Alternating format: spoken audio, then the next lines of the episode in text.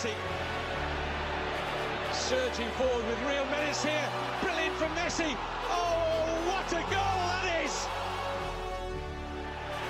It defies description. How about sensational? How about superb?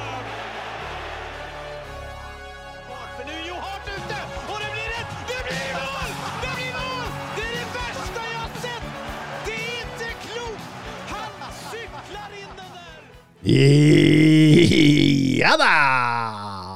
God kveld i de tusener av hjem, og velkommen til episode 212 av den sentimentale fotballpodkasten 90 minutter. Jeg heter eh, Thomas Edvardsen, og med meg i studio har jeg La Liga-ekspert og fotballtrener Mats Granildo Granvold. God dag. Og ikke minst eh, Bundesliga-ekspert, groundhopper, programleder i fotball-TV og talisman for Woke 2023, Søren Døpker Døpkersen. hallo, hallo. Allah, Allah. Vi spiller inn eh, 212 for andre gang, vi. Ja, den eh, forsvunne episoden. Altså, Det har vært litt mystisk å bare la 212 forbigå i stillhet og starte på 213, da. Ja. Da tror jeg vi lurer om et par år. Hvor Ja. Blei 200 og Par år. ja. Ja, vi holder på så lenge. Gjør vi ikke det? Eh, jo. Jo. Vi, vi har jo gøy med dette. Hvorfor slutte med noe som er gøy? Nei, vanskelig å planlegge bare dagen forveien. Så det, Ja, du, du tar én dag av gangen? jeg tar virkelig en dag av gangen. Ja. Um, ja, for episoden forrige uke, det ble ikke noe av det, Døpker.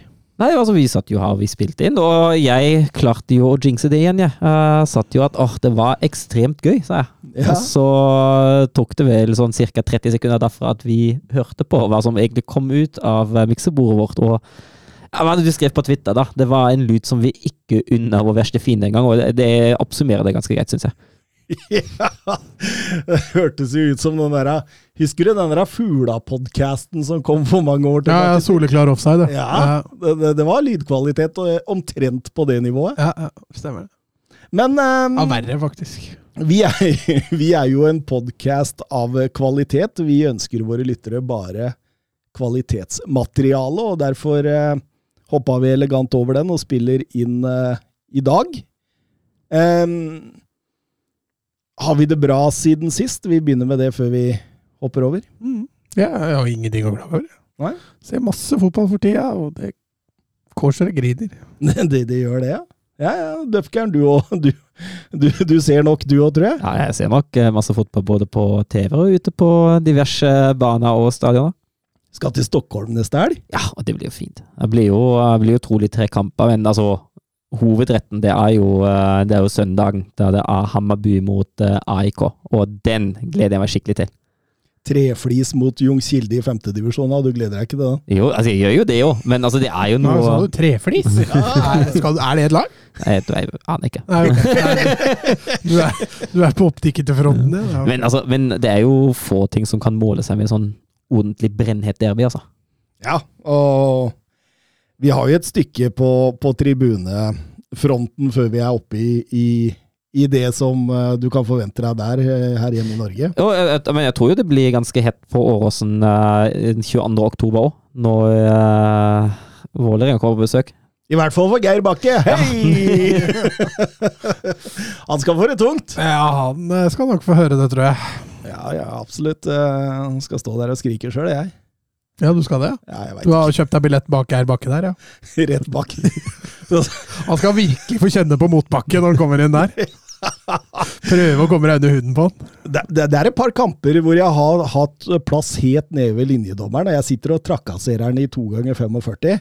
Sitter bare og slenger 'Den der, der så du ikke, dommer!' Du, du driver på den hele tida. Hele tida. Jeg gnagsår i øret på han. Så hvis jeg kommer bak Geir Bakke, da skal han få det tungt, altså. Eh, Men eh, det er jo ikke Geir Bakke og eh, allsvenskan vi skal prate om. Vi skal prate om de fem største ligaene. De ligaene vi elsker, og ingen sted er jo bedre enn å begynne i Premier League.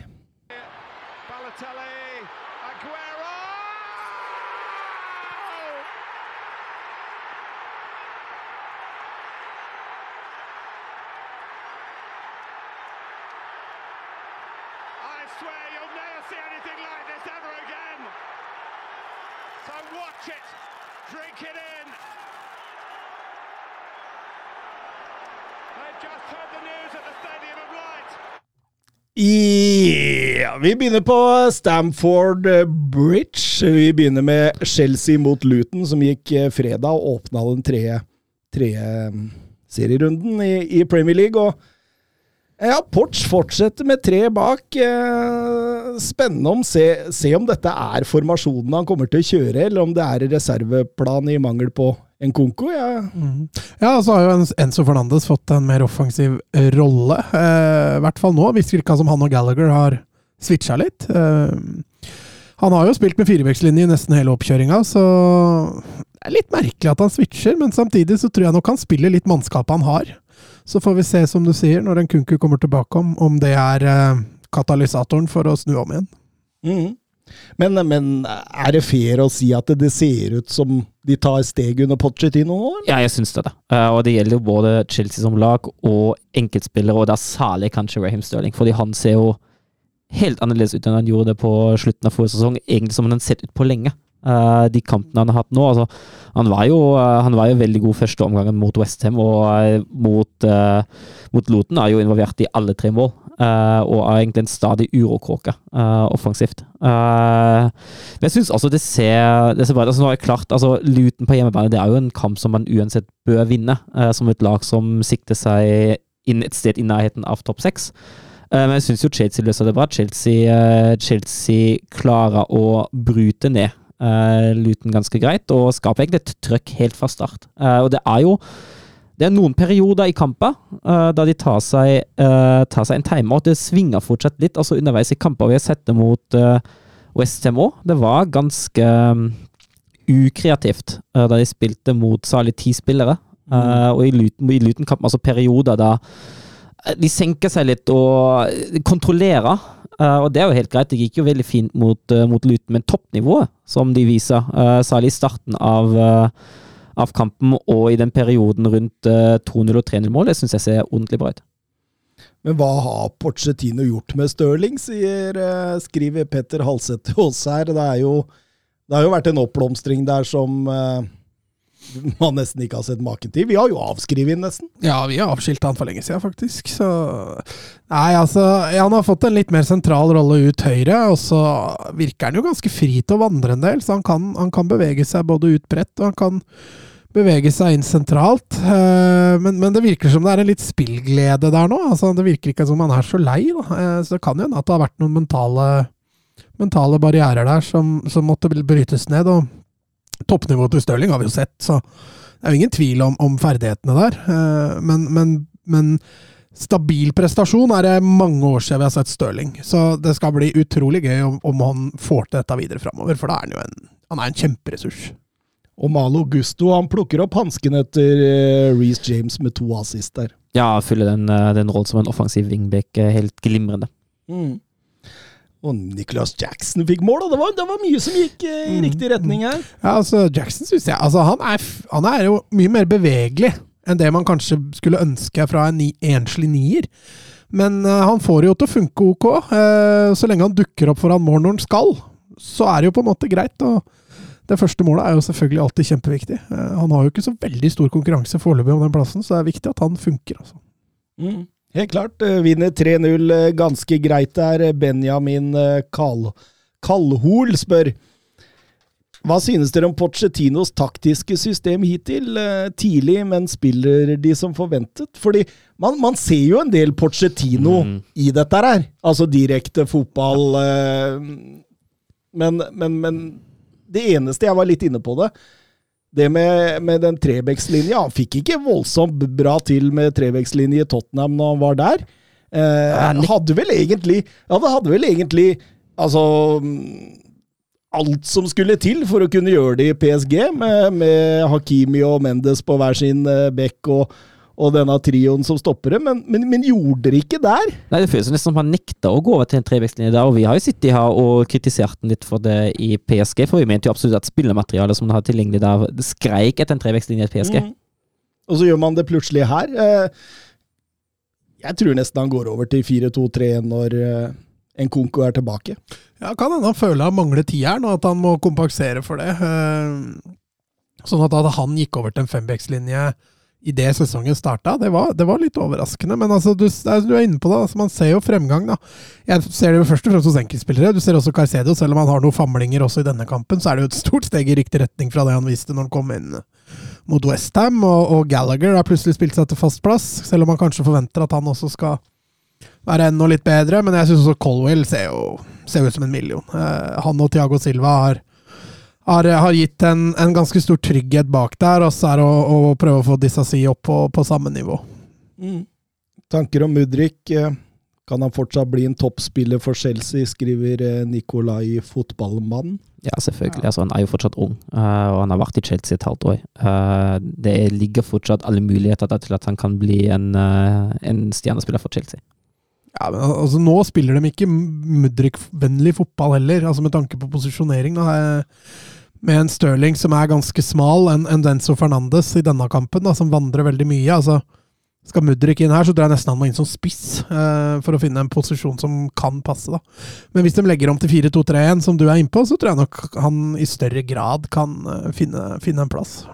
Så må han bli kvitt skadeproblemene. da. Jeg syns det er mye start og stopp der. Nå var han jo ute av tropp til denne kampen òg, så eh, og, det, og, det, er klart det er en innkjøringsperiode der. Vi var vel inne på det når han holdt på å bli klar for Arsenal, at han er nok ikke gryteklar for Premier League-spill. Så det Nei, eh, vi får se, men eh, man kan ikke gi den opp, i hvert fall. Jeg syns jo den annenomgangen han har når han kommer inn mot Westham, er bra. Mm. Så, så, Gi den opp? Har han ikke tiårskontrakt, da? det er litt tidlig å begynne å gi opp.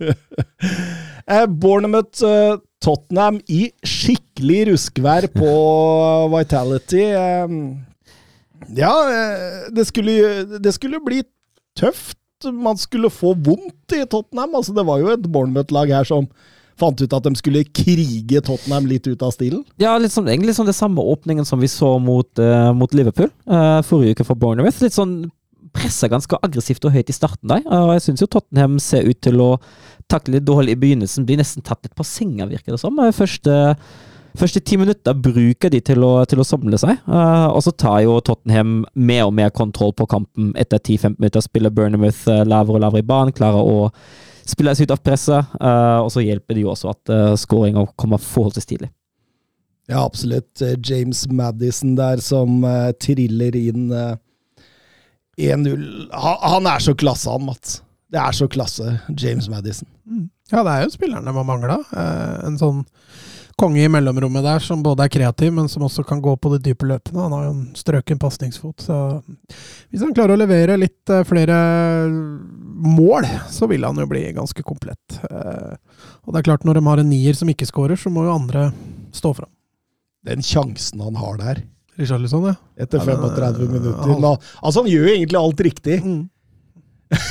runder Neto der og og, og det, det, er jo egentlig flott, måten han runder Neto på, for der er han i ubalanse og klarer å få med seg ballen uh, bak seg og sånt. Og så, og så, kommer selvfølgelig den blokka inn, og det Nei, ja, det, det, det, det lugger. Lugger skikkelig. Eh, men vi var vi inne på det her før, før innspilling, at det, det kan jo fort bli en ketsjup-effekt her, for han gjør mye bra utover. Ja, han gjør jo det. Altså, det er klart, altså, som som spillende spiss uh, gjør en veldig god jobb, jeg er helt enig. Uh, og så handler det om å få, få målene og godfølelsen litt, tror jeg. Uh, og vi har jo sett det i, i, VM i fjor jo, at det kan fort løsne. For det løsner litt for ham i VM. Mm. Annen omgang eh, stepper vel Tottenham litt opp, akkurat som de gjorde mot Manchester United forrige helg. Ja, det kan man si. Og så syns jeg også at de byttene som, som Postekoglu gjør etter en time, da, med Perisic og Høibjerg for Sauri Charlison, de, de er akkurat de riktige grepene. Uh, for de stabiliserer uh, Tottenhams spill uh, ganske så bra, og Tottenham har egentlig full kontroll derfra og, og inn. Altså, viser jo at han har en liten tropp å, å velge fra òg, Mats. Ja, sentrallinja, altså spesielt på midten, og kanskje wingbacka, så, så er det god bredde. Um, vi var jo litt inne på det før vi gikk på her, at det er et par nøkkelspillere her jeg tror Tottenham virkelig skal jobbe for å holde skadefrie. altså. Um, så, så, vi sa det jo, at, at jeg tror Tottenham skal være glad de ikke har noe, noe Europa i år, og det Det gjør at hvis de greier å holde disse sentrallinja skadefrie, så er de, ser de veldig bra ut nå. Altså. Mm. Mm. Kulisevskij setter 0-2 etter drøye timen, og da, da, da er det gjort. Da er Det gjort, og nydelig forarbeid av Odoji Day. Mm. Eh, Petter Martin Støvland på Twitter. Eh, Big Arns har revolusjonert Tottenham på et kvarter. Hvilke knapper har han trykket på? Det er jo ganske mange knapper, sånn jeg ser det, i hvert fall i forhold til det man så fra fjorårssesongen. Her Han må jo ha forandra mindsettet til en god del spillere her. Ja, Vi var vel inne på det litt tidligere òg, med mentaliteten. jobbe hardt i presspillet. De- Denne type fotball er jo krevende også fysisk, eh, så, og de ser jo fysisk bedre rusta ut også. Nå, nå har de på en måte steppa opp gamet i andreomgangene stort sett i hver eneste kamp her. Mm. Så åpenbart at de står distansen godt. Eh, Vikario, som har blitt tryggere og tryggere, også med, med ball i beina. Oduchi, som Søren nevner der, som ser ut som en perfekt back til dette systemet. Mm. Mikki van de Ven. Ja, nydelig spiller. Ja, det, det, det, det han har gjort nå, det er eh, Ja, altså, altså, jeg var jo inne på det før. Det er jo en stopper uten svakheter, egentlig. Det er jo egentlig bare styrke, og det er jo en fryktelig moderne stopper som attpåtil har fart. mm. Ja, ja, helt klart. eh, Gjør Romero eh, tryggere òg, virker det som. Madison der som herjer eh, i mellomrommet, og eh, man får jo nesten litt vann i munnen når man veit at Rodrigo Bentancour Mm. kommer tilbake snart og, og, og skal inn i dette systemet. Så eh, det er åpenbart at han har gjort mye riktig. Eh, det, episoden blei jo sletta, holdt jeg på å si, men vi, vi brukte jo mye av den episoden som ikke kom ut, til å, til å hylle Bizuma. Mm. Gjør jo nok en god kamp eh, sentralt i banen der, så Nei, det ser veldig bra ut. Fredrik Stjerna I just copying pep. kan Postecoglou være den viktigste signeringa i Premier League denne sesongen? For en mann, for en filosofi. For en ekstrem makeover han har gjort med et skakkjørt Tottenham uten Kane. Og det, og det faktum at han har gjort det uten Kane, Søren, det er jo det som gjør at dette går fra godt til imponerende. Ja, og så, og så ser det jo ut som altså nå, Hvis du ser på Tottenham-laget nå, da Uh, Det ser ut som at det er en høyk av spillere som kan skåre mål. Eh, at det er målfarlighet i flere ledd, og det er nesten som om laget samla har steppa opp for å fange opp de måla som er mista med Harry Kane. Uh, og hvis det fortsetter, er det jo veldig, veldig bra. Det kan jo også gjøre Tottenhams spill mindre beregnelig. Uh, at det ikke lenger er sånn at uh, ja, hvis du hvis du har kontroll på Kane og sånn, så er mye løst. Og det ser jo absolutt ikke ut lenger at det er enkeltspillere som, eh, som man kan ta ut og så klappe hele systemet sammen. Eh, så fryktelig imponerende. Og så er jeg jo helt enig, jeg syns jo også ofte at trenersigneringene de er gjerne viktigere enn spillersigneringer. Så at, uh, at Kogluk fort kan være Premier Leagues viktigste signering i sesongen, ja, absolutt. Mm, mm. Og så morsomt hvordan han bruker altså Emerson spilte første kampen mot Brentford, var bunnsolid, skårte et mål. Så han sittet to kamper på benken, for den motstanderen de møter, Mm. den passer Porro bedre. Så, så det er jo åpenbart en, en manager her som både tar hensyn til motstander, men samtidig så det, det viktigste er hva man gjør sjøl. Jeg tror liksom på en måte de kommer til å spille på samme måte mot Manchester City som mot Luton. Mm. Så Ja, jeg, det er også helt enig. Altså, jeg synes jo den der eh, altså, Kanskje 80-20-90-10-approach, da. At man har hovedsakelig fokus på eget spill, og justerer det litt etter hvem man møter. mm. Så har han en sånn fin aura, da. Så det er en sånn trygghet når han prater, liksom. Det, du skjønner at han veit hva han driver med. Jeg tror, jeg tror han oser litt respekt. da. Jeg tror ikke det bare er å komme dit og være misfornøyd. for Jeg tror han, han, han prater deg i senk, da. Eh, og det viser han jo med den tryggheten med det intervjuet han blant annet sa. Altså, det, er en, det er en pragmatisme der som, som jeg tror han tjener veldig på også overfor spillergruppa. For jeg tror han går inn ganske tidlig og får respekt tidlig. Hvis han da i tillegg veit hva han prater om, så, så blir det jo, kommer det til å bli bra. Ja, til og med fått Høibjerg til å spille baller framover i, til medspillere, så da Ja, for det gjorde han ikke før. Nei, han fikk jo voldsom kritikk av Poster Koglu for dette i preseason, at uh, du må slutte med måten du spiller ballen framover på. Arsenal Fulham.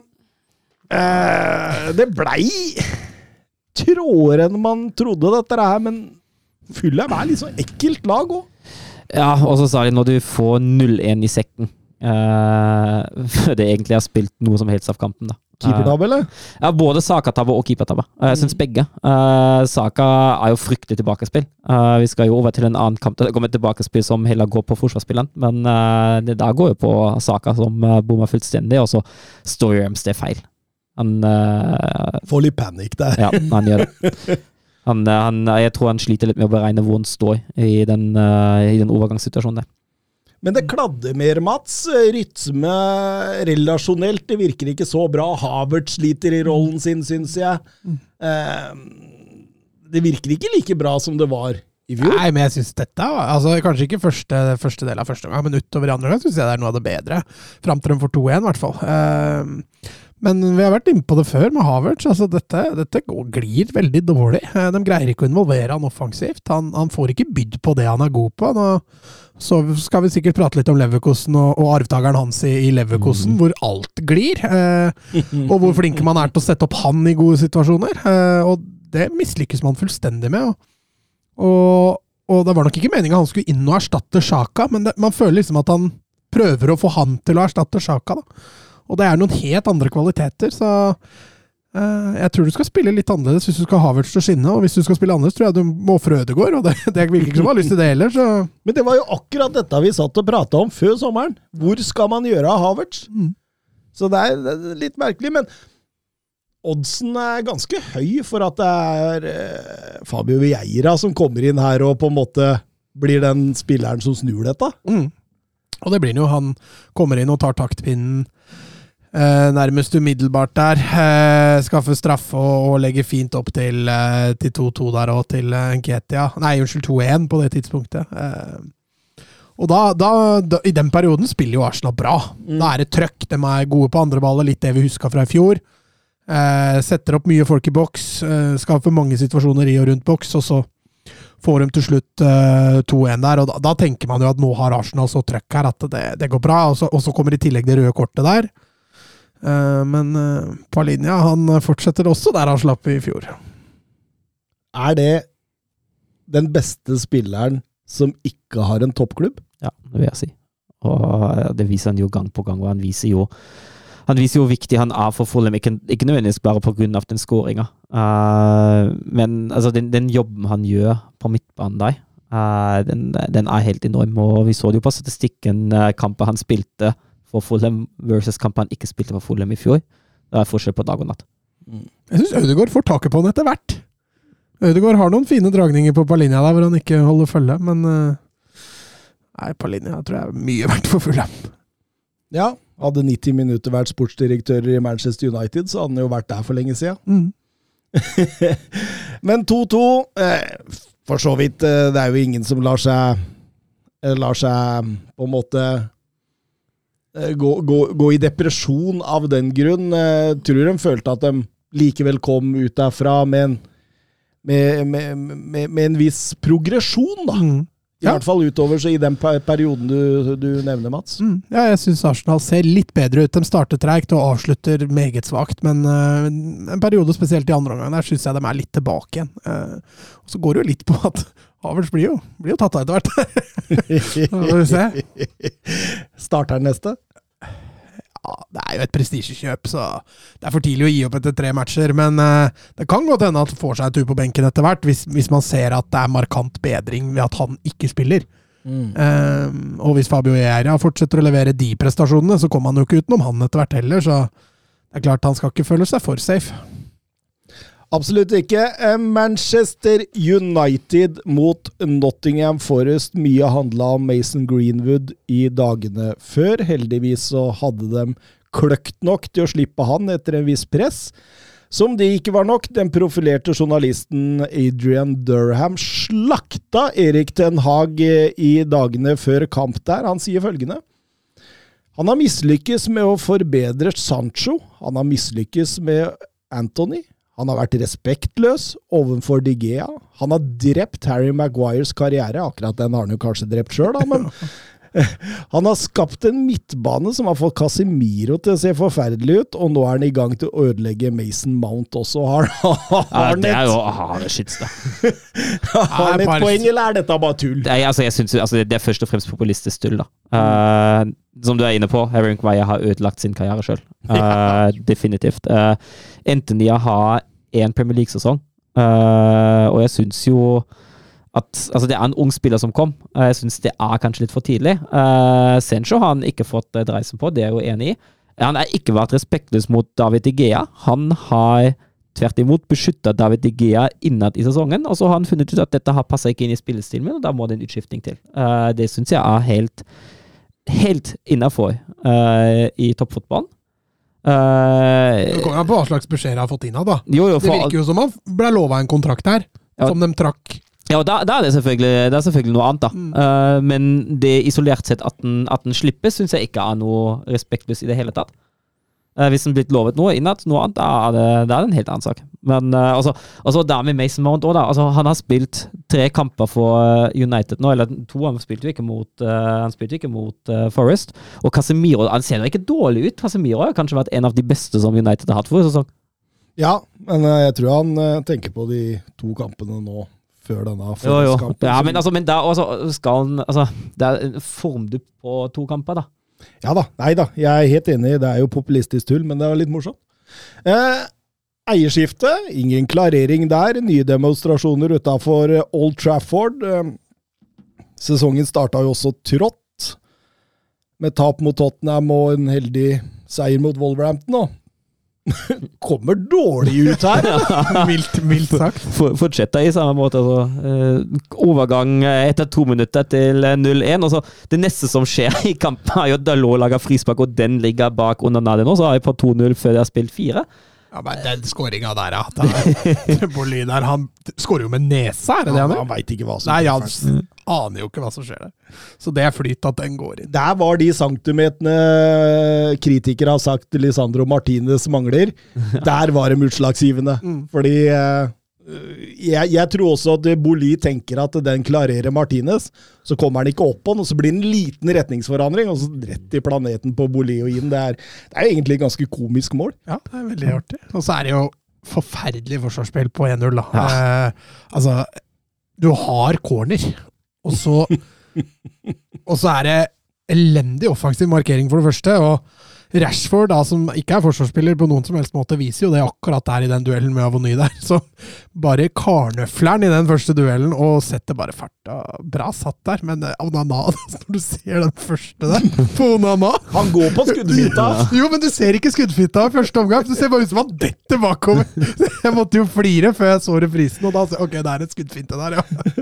Men det er veldig artig når du ikke ser skuddfinta. Det ser veldig komisk ut. Men viktig for Manchester United. De kommer seg fort eh, inn på et reduseringsmål med Christian Eriksen. og Ja, og kanskje enda viktigere, altså offensiv markering blir klart bedre. Eh, de gjenvinner veldig mye tidlig, eh, og klarer da å etablere et voldsomt press eh, på Nottingham Forest. Forest ligger jo voldsomt dypt, men likevel klarer United å komme seg til sjanser. Eh, og altså, hvis man ser da fra sånn jeg vet ikke, ti minutter og utover, så, altså, så tenker man jo at det er et tidsspørsmål før det blir flere mål, altså. Ja, absolutt. Uh, Casimiro setter 2-2 tidlig i, uh, i annen omgang der. Uh, innøvd frisparktrekk, eh, liker jeg å tro det var, i hvert fall. I så Ja. fall var det meget bra. Ja, i så fall var det fullstendig klasse. Men så kommer jo dramatikken, da. Rødt kort på Warhol. Den har blitt diskutert mye. Ja, altså, jeg er jo den oppfatninga at det, hvis han ikke hadde holdt i trøya og latt den løpe, så hadde han jo fortsatt ikke vært aleine med keeper. For der er Boly på vei inn. Eh, så, så hvis argumentet er at han blir fratatt en klar so, eller en klar skåringsmulighet, da, så, så mener jeg det er feil. Men sabotasjen i spillet er det jo ingenting å si på. Ja, Jeg mener jo at den ballen, den ballen spretter jo rett i løpebanen til, til Fernandes, og jeg mener at Bolis står for langt unna til å kunne gripe inn uh, at Bruno Fernandes får avslutta alene med keeper. Så jeg tenker at den, er- den er helt fair. Ja, ja, ja, ja. Nå, nå, nå legger dere opp til 1-1 der. Eh, Jeg syns han er vanskelig. Eh, Jeg syns ikke han er klar. Overhodet ikke klar. Han er eh, Jeg, jeg klarer ikke å gjøre meg opp en mening der. Ja, men altså, jeg forstår at den ikke går til VAR.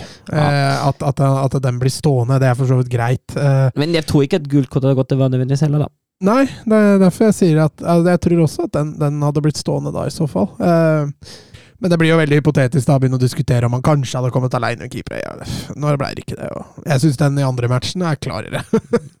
Men straffesparka Nei, den Altså jeg, Det er jo filming, eh, det er jo det, men, men, men, men det er en touch der, og det gjør ah, Ikke si det, Mats! Jo, men da, det er jo kontakt! Ikke si det! Men da gjør jo at han, dommeren kan dømme uten at VAR bryter inn, da. Ja, dessverre. Ja, dessverre. Eh, men, men det er jo fryktelig overspilling, og jeg tror Rashford ser han kommer, men når du ser reprisen bakfra, så ser du han trekker seg. Men så er det liksom den touchen inn der som gjør at VAR sikkert ikke Det er sikkert det som er grunnen til at VAR ikke går inn. Eh, men, men det er fryktelig soft. Ja, jeg syns det er fryktelig billig. Rett og slett. Ja, det er eh, Jeg kaller det en dive, rett og slett. Og, og Fernandes får sette 3-2 fra, fra krittmerket. Og Steffen Hansen han er jo inne på det her. At vi må legge vekt på gavene Manchester United får av dommere og var på Old Trafford så langt denne sesongen. Altså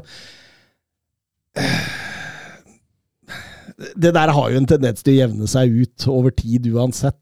Ja. de skulle kanskje hatt et straffespark mot Tottenham, så hadde det vært 1-1, i hvert fall i, i den diskusjonen. Så altså jeg, jeg, jeg klarer ikke helt å bli med på dette hylekoret da, om at uh, det er en uh, såkalt aura over Old Trafford som gjør at uh, dommere dømmer 60-40 og 70-30 der, liksom. Altså, Du er uenig i at de gjør det? Ja, jeg, jeg, jeg tror det er eh, helt tilfeldig. Jøss. Ja. Yes. jo Du er jo sånn konspiratorisk. Du burde jo være første til å hoppe på det toget der.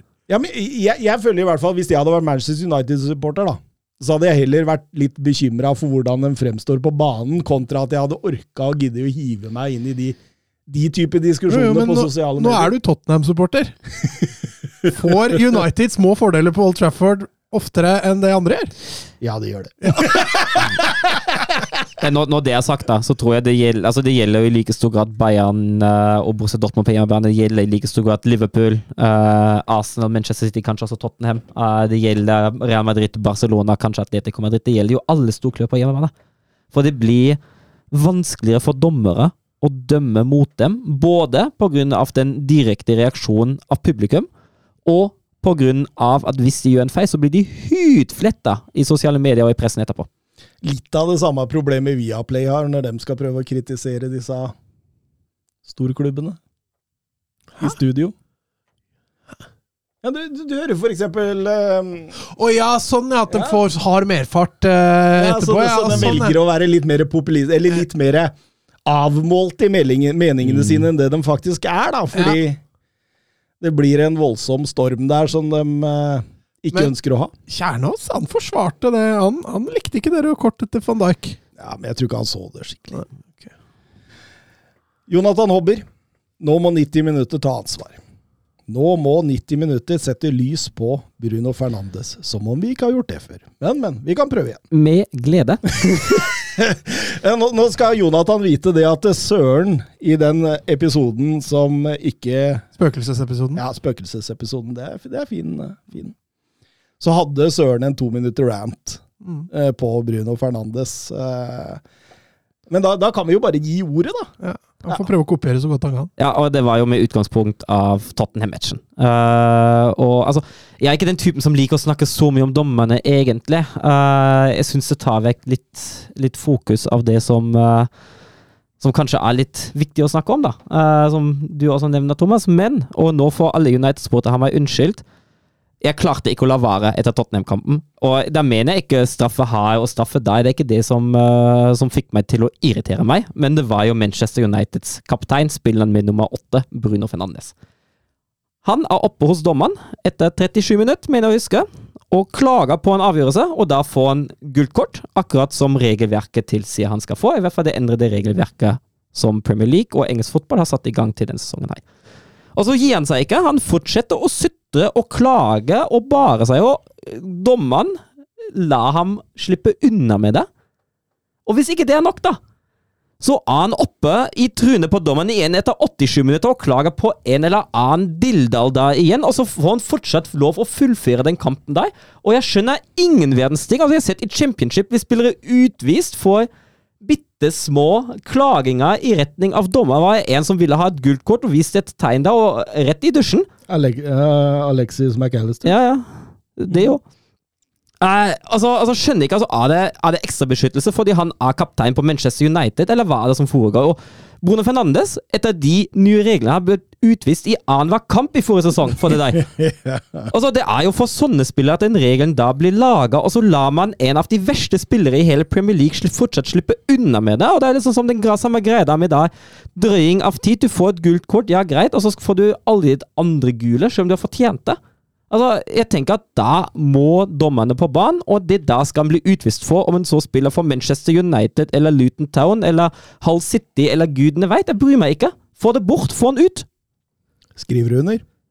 Ja, Alle må følge reglene. Det er ikke noen egne regler for Bruno Fernandes og Manchester United. Men det virker jo sånn. Det virker som altså, det er jeg, egne regler jeg, tror det var en genistrek å gi han kapteinsbindet, for det tror jeg gir han noen ekstra goodwill hos dommerne. da. Eh, Kapteinene får som regel lov å snakke med dommeren hvis det skjer noe, da. Mm. Men han har noen gestikulasjoner og noen eh, handlinger som tilsier at selv om han er kaptein, så burde det straffes. Mm. Og så var vi jo inne på det i denne spøkelsesepisoden, som du fint kalte det, at eh, han er nok i garderoben på treningsfeltet. Han er nok en kaptein der. Jeg tror nok han har en standing i gruppa. Man så jo f.eks. hvordan han gikk ut imot oppførselen til Cristiano Ronaldo, hans egen landsmann, når det skjedde. Så det, og jeg, jeg, jeg tror han er en vinnerskalle av dimensjoner som det kan koke over for opptil flere ganger i løpet av match. At det på en måte Hvis du, hvis du hadde kritisert den, da, sittet face to face med den, så tror jeg liksom han hadde tatt den, liksom. Mm. Hvis du skjønner? At ja, jeg, jeg, jeg veit, liksom, men jeg kan ikke noe for det. Jeg, jeg, kjente litt på det samme når jeg var spiller sjøl. For jeg også var litt sånn Jeg, jeg var jo ikke den snilleste lammet ute på banen. Og det er liksom, Selv om jeg kunne fortelle meg sjøl før kampen at ok, nå, du må ikke få gult kort, for du vil ikke gå glipp av den neste kampen, eller et eller annet, så når dommeren blåste i fløyta, så det var én ting som gjaldt, og det var å vinne. Og åssen man vant, metodene til hvordan man vant, det spilte ikke så veldig stor rolle for meg akkurat der og da. Jeg merker, jeg, merker, altså jeg merker det med ham nå, altså, nå i den kampen mot Nottingham Forest. bare Han så i retning da han begynte å bli irritert. Han begynte å koke godt. også. Og jeg, jeg, altså, jeg begynner å få han opp i halsen. Det er veldig synd, for han annen en herlig fotballspiller. Men den oppførselen der, den er så ufyselig. Han har noen sekvenser i Forest-matchen nå hvor han er nede og takler flere ganger rett etter hverandre der og vinner gula. og han- Han går litt foran også spillestilsmessig. Eh, Ja, og, så- og så ser du også når, når, når de gjør noe bra, så har han så vidt i bildet. altså når Lakamata gjør noe bra, Han er den første til å, til å applaudere og oppmuntre og, og, og sørge for god stemning. så altså Det er en sånn spiller du elsker å ha på laget. Ja, ja du hater å ha det mot deg. Eh, Men eh, Finn Jørgen Halvorsen eh, han gir seg ikke helt. Han hadde dette spørsmålet i forrige uke òg. 240 millioner euro i fjor, 200 millioner euro i sommer, med agenthonorar osv. blir denne prisen godt over 500 millioner euro. Nesten Chelsea, det.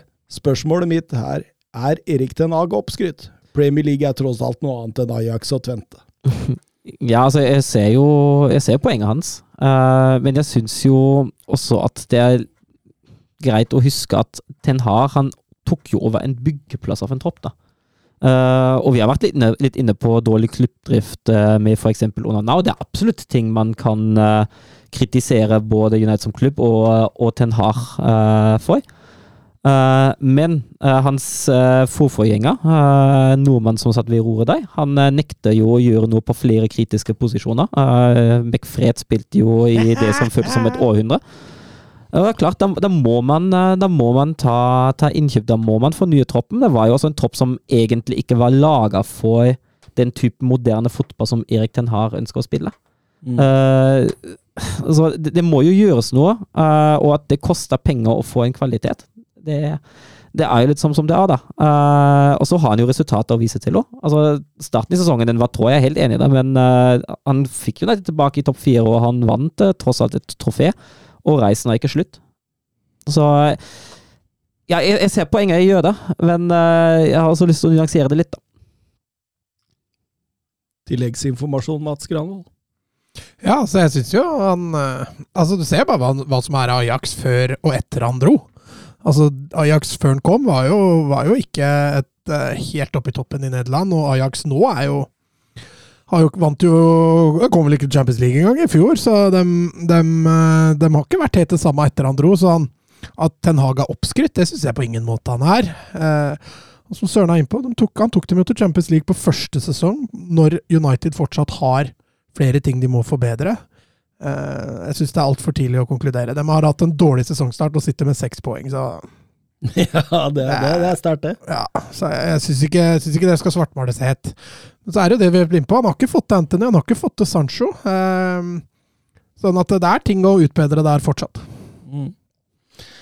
Sheffield United, Manchester City, nyinnkjøpte Jeremy Doku fra Renn med i tropp. Startet eh, benken, ble der. Eh, Får vi se om de kommer til enighet med Wolverhampton og Mateos Núñez. Eh, Pep skal ha inn en, en midtbanespiller til. Paketa-dealen falt jo sammen da City fant ut at han kan fort ryke på en Ivan Tony-karantene, så Det er nedtur. Eh, men det blir jo spill mot ett mål. Ja, det blir jo akkurat det kampbildet man forventa seg. Eh, et eh, dominerende og styrende City-lag som vi har trodd på de hva var det for de første 7 minutter, 30 sekunder, i 89% ball. og det føles som at de hadde 89% ball utover i omgangen òg.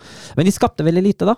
Det var veldig vanskelig for dem å bryte ned, å bryte ned um, Sheffield. jeg syns jo også at egentlig gjennom hele matchen, da Nå har han jo assist på 1-0, men særlig Jack Wheelers. altså det er da lov å bruke mindre enn fem touches, da. Når man, eh, når man først er på ballen. Og jeg føler at han, han sinker spillet så mye. Uh, Bernardo kunne være litt skyldig i det òg, uh, men særlig med Grealish la jeg veldig mye merke til at det alltid var litt sånn inn og utfordre, bruke mange touches istedenfor å få ballen kjapt videre, som i noen situasjoner hadde vært det bedre.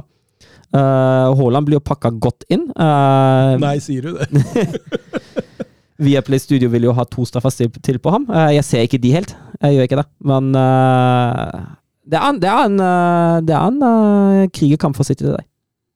Bomme straffe der, Haaland. Setter den i stolpen, så helt sjokkert ut. Mm. Ja, det er litt sånn risiko å skyte hardt og plassere. det har jo funka for han før, så det var Ja, du, du ser jo også når han scorer, hvor letta han blir. Mm. Det er rein lettelse at åh, takk lov. Ja, og der er det jo bra Grealish som ja. Altså, det innlegget der, det Ja, og så er det jo smart bevegelse av Haaland å komme på blindsida på, på forsvarsspilleren der. Og, og, og, da er det jo Men selvfølgelig, Grealish sitt innlegg gjør jo det målet. Uh, Haaland har jo bare hoppet så høyt han kan der, så er det jo mål. Men etter 0-1 så, så, løfter jo Sheffield United seg litt, og, og, plutselig begynner de å våge å spille fotball. og Får noen dødballer der, noen avslutninger, og, og, gjennom det skapes det tro og selvtillit. Og så sitter plutselig ballen bak eh, Ederson der med, med Bogle etter forferdelig Kyle Walker-involvering. Hva, hva, er det han tenker med der, Mats? Nei, han skal spille seg ut. Det er det som, han, som er greia. Han står feilvendt, har ingen oversikt over hva som er bak seg i utgangspunktet, og skal hæle ballen ut. Uh, funker svært dårlig, blir brutt, uh, og så er det Bogle som dukker opp på bakerste der. og Det er jo en klasseavslutning. Er det litt som Postekoglu sier, det der, eh, Søren, at man må tåle noen av de for man skal spille med risiko, og så skal man få noe, få noe igjen for det, men det kan gå gærent innimellom. Ja, altså i utgangspunktet er jeg jo helt enig, men eh, det å bakhæle i egen boks det virker ikke som den lureste ideen, sånn uavhengig av situasjonen, da. Nei, men også gjør du det i tillegg i det 85. minutt på ja. 1-0. Ja. Sånn at det er lov å, å vurdere risiko mot, uh, mot uh, hva du kan tjene på det. Men han blei forbanna over seg sjøl. Han tok den, og mm. så satte ned i gang en vendetta. Omtrent på egen hånd der. Mm. Han skulle vinne den kampen for City, altså. Ja, og det var en, Om Haaland var letta, så tror jeg han også blei ganske letta, men jeg er helt enig. Han, han tar tak i det sjøl, og, og, det er jo sånn en treners drøm når spillere sjøl Du bør ikke si noe engang. Altså, den veit at ok, dette må jeg fikse. Mm. Eh, og han tar umiddelbart tak, og så er det jo da Rodry, da. Mannen for de store anledninger. Eh, klasse avslutning. Ja. Foden har vel en litt ufrivillig assist der, men den er jo Glimrende. Nydelig av Foden. Ja. Ikke helt planlagt, tror jeg. Men At ikke han kom inn tidligere i den kampen der. At Mm. ikke han kom inn uh, til pausen eller før 1-0, i hvert fall. Det skjønner jeg lite av. For jeg syns egentlig det er en sånn kampbilde som hadde sk eller som egentlig skreik etter en Phil Foden for, for i side, altså. Men jeg tror, jeg tror han hadde kommet inn før, så lenge det hadde vært uavgjort. Ja, men jeg hadde jo bytta Altså, målet kommer etter 63, da.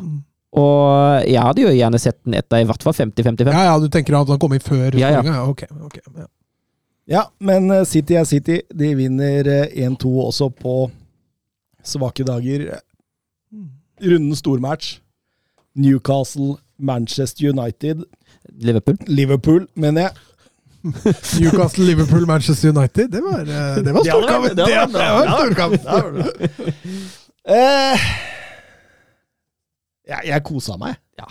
Jeg kosa meg gjennom den kampen der, og det, det begynner jo liksom med altså, Trent Alexander Arnold han kan jo få to gule på under et minutt der. Ja, det er jo skandale. Jeg mener jo han slipper Vi snakka litt om det. Jeg syns han slipper litt billig, selv om, selv om Anthony Gordon prøver å provosere på den andre gule der, så så jeg tror han, hadde, hadde han ikke hatt gult fra før, så tror jeg han hadde fått gult der. Det hadde han definitivt, Ja. men samtidig, altså med tanke på hvor lett Gordon faller, da.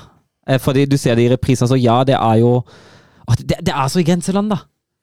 Uh, men jeg syns jo Gordon faller så ufattelig. Altså Han merker litt av kontakten til, eh, til Alexander Arnold, da, og så går han i bakken som han blir skutt. da. Og på, én en måte er jeg jo enig i at det bør bli et gult kort men. På en annen måte er det veldig greit at den da ikke gir et gult kort, da. Det er to kjipe gule å få. Ja. Nei, det første er jo bare eh, Ja, det er dum. tjukk i huet, Ja. men allikevel et unødvendig gult kort, liksom. Ja, men altså, han, eh, han gjør jo altså, for, for de som mener at han skulle jo At han skulle bli utvist, han gjør jo opp for seg etterpå for Newcastle, da. Men han, uh, idet han gjør den og, og slipper unna, så ser du Joe Gomez varmer opp. Ja. Der ble det tatt vurderinger fortløpende om, om han skulle ut. Men som Søren sier, han er jo direkte skyld i, i 1-0 ved Anthony Gordon der. eh, Ja, Hull i foten, han. Ja, det, det der er Altså, det er mangel på orientering. Mangel på så mye, egentlig. Ja, men det er, det er sånne feil man egentlig ikke ser på det her nivået. Altså, Det er så sjelden ballen går under foten din. Eh, Og da ligger de under 1-0 på en av de verste stadionene det går an å ligge under på. Og i tillegg til det så får Virgil van Dijk rødt kort eh, bare minutter etterpå. Mm. Nisselue på. Han lurer på hvordan noen kan betvile det røde kortet til van Dijk. det er med Liverpool-supportere nå. Ja, altså, men jeg syns den er klokkeklar. Altså, han, eh, han er bakerste mann. Uh, Isak er gjennom alene med Alison, hvis ikke van Dijk takler ham. Uh, van Dijk ja, altså, han spiller ball nå, men han sparker jo gjennom Alexander Isak for å få tak i ballen. Eh, og så er det jo flere som har brukt den der ja, Hvis du er om duell i ballen, uh, så skal ikke du få dobbeltstraff lenger, men det gjelder jo bare i boksen. Altså Når du lager et straffespark og du gjør et ærlig forsøk på å for, få spille ballen som, sist, som bakerste mann, så blir du ikke utvist for det lenger, for det er nok straff etter regelverket med straffe imot og gult. Men det var jo utenfor boksen, så jeg syns er- jeg det er klokkeklart. Vet du. Er han klarere enn eh, Nottingham Forest uh, Warhol sin? Ja, Definitivt. Ja, det syns jeg. For der, eh, altså, det der er jo bare å følge ballbanen og, og bevegelsene til Altså, Isak er på vei mot mål, van Dijk er på vei ut til siden. I tillegg så, så har ikke van Dijk noe klar sikring. Så hvis Isak får vende der uten å bli hindra, så er han jo aleine med keeper.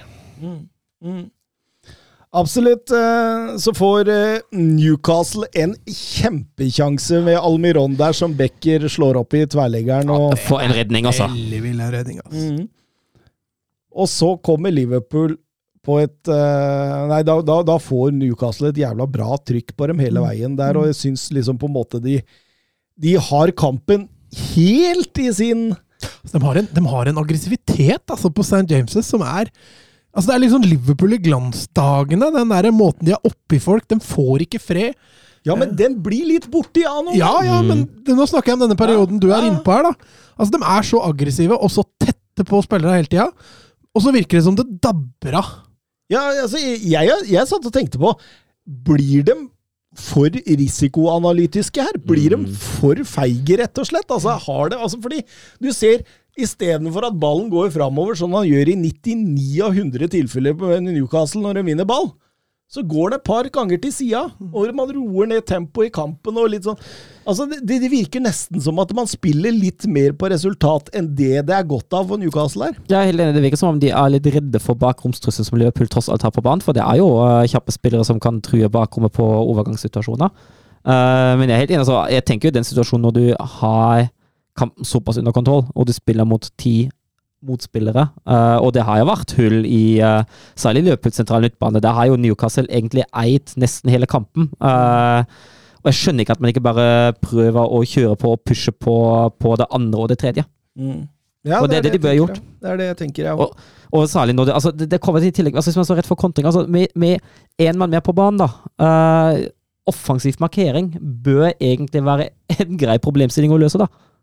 Ja, så ser jeg se tidligere i matchen, da, så etter Liverpool får 1-0. Altså, Salah er vel nesten aleine med keeper én gang, og det er, det er omtrent det. Og så er det som du er innpå, plutselig så forsvinner litt av aggressiviteten offensivt. Gjenvinningsspillet er ikke like viktig. Eh, Det å gå i angrep er ikke plutselig en prioritet lenger, og, og, og da inviterer de Liverpool inn i matchen. eh, I forhold til at de kan gjøre det på sin måte. De får lov å etablere seg defensivt uten å bli tatt i ubalanse. Altså de Nei, Liverpool får av en eller annen merkelig grunn kampen litt mer i sitt spor, da. Selv med en mann mindre, uten å måtte ofre all verden. da. Dette var vi jo på, inne på også mot Bournemouth, når Mm. McAllister fikk det røde kortet. Men det skal sies, altså Jota har et strålende innhopp. Eh, eh, Nunez altså, han, han er ikke mye involvert i spillet, men det innhoppet han har òg, eh, sier seg sjøl selv selvfølgelig med to mål, men eh, han blir plutselig en litt annen trussel. Og, og nå begynner han å treffe innafor rammeverket òg når han skyter. Da er det jo håp. Ja, absolutt. Darwin Núñez skårer to, eh, det siste på overtid, og Liverpool snur dette her. Det er, det er sterkt, og det er sterkt av Klopp fra sidelinja, som gjør de riktige grepa. Det er strykkarakter til Newcastle og Eddie Howe, syns jeg her. Jeg føler de burde, skulle tatt tre poeng når kampen var som han var eh, godt ute i annen omgang, men, men, men man blir rett og slett for feig.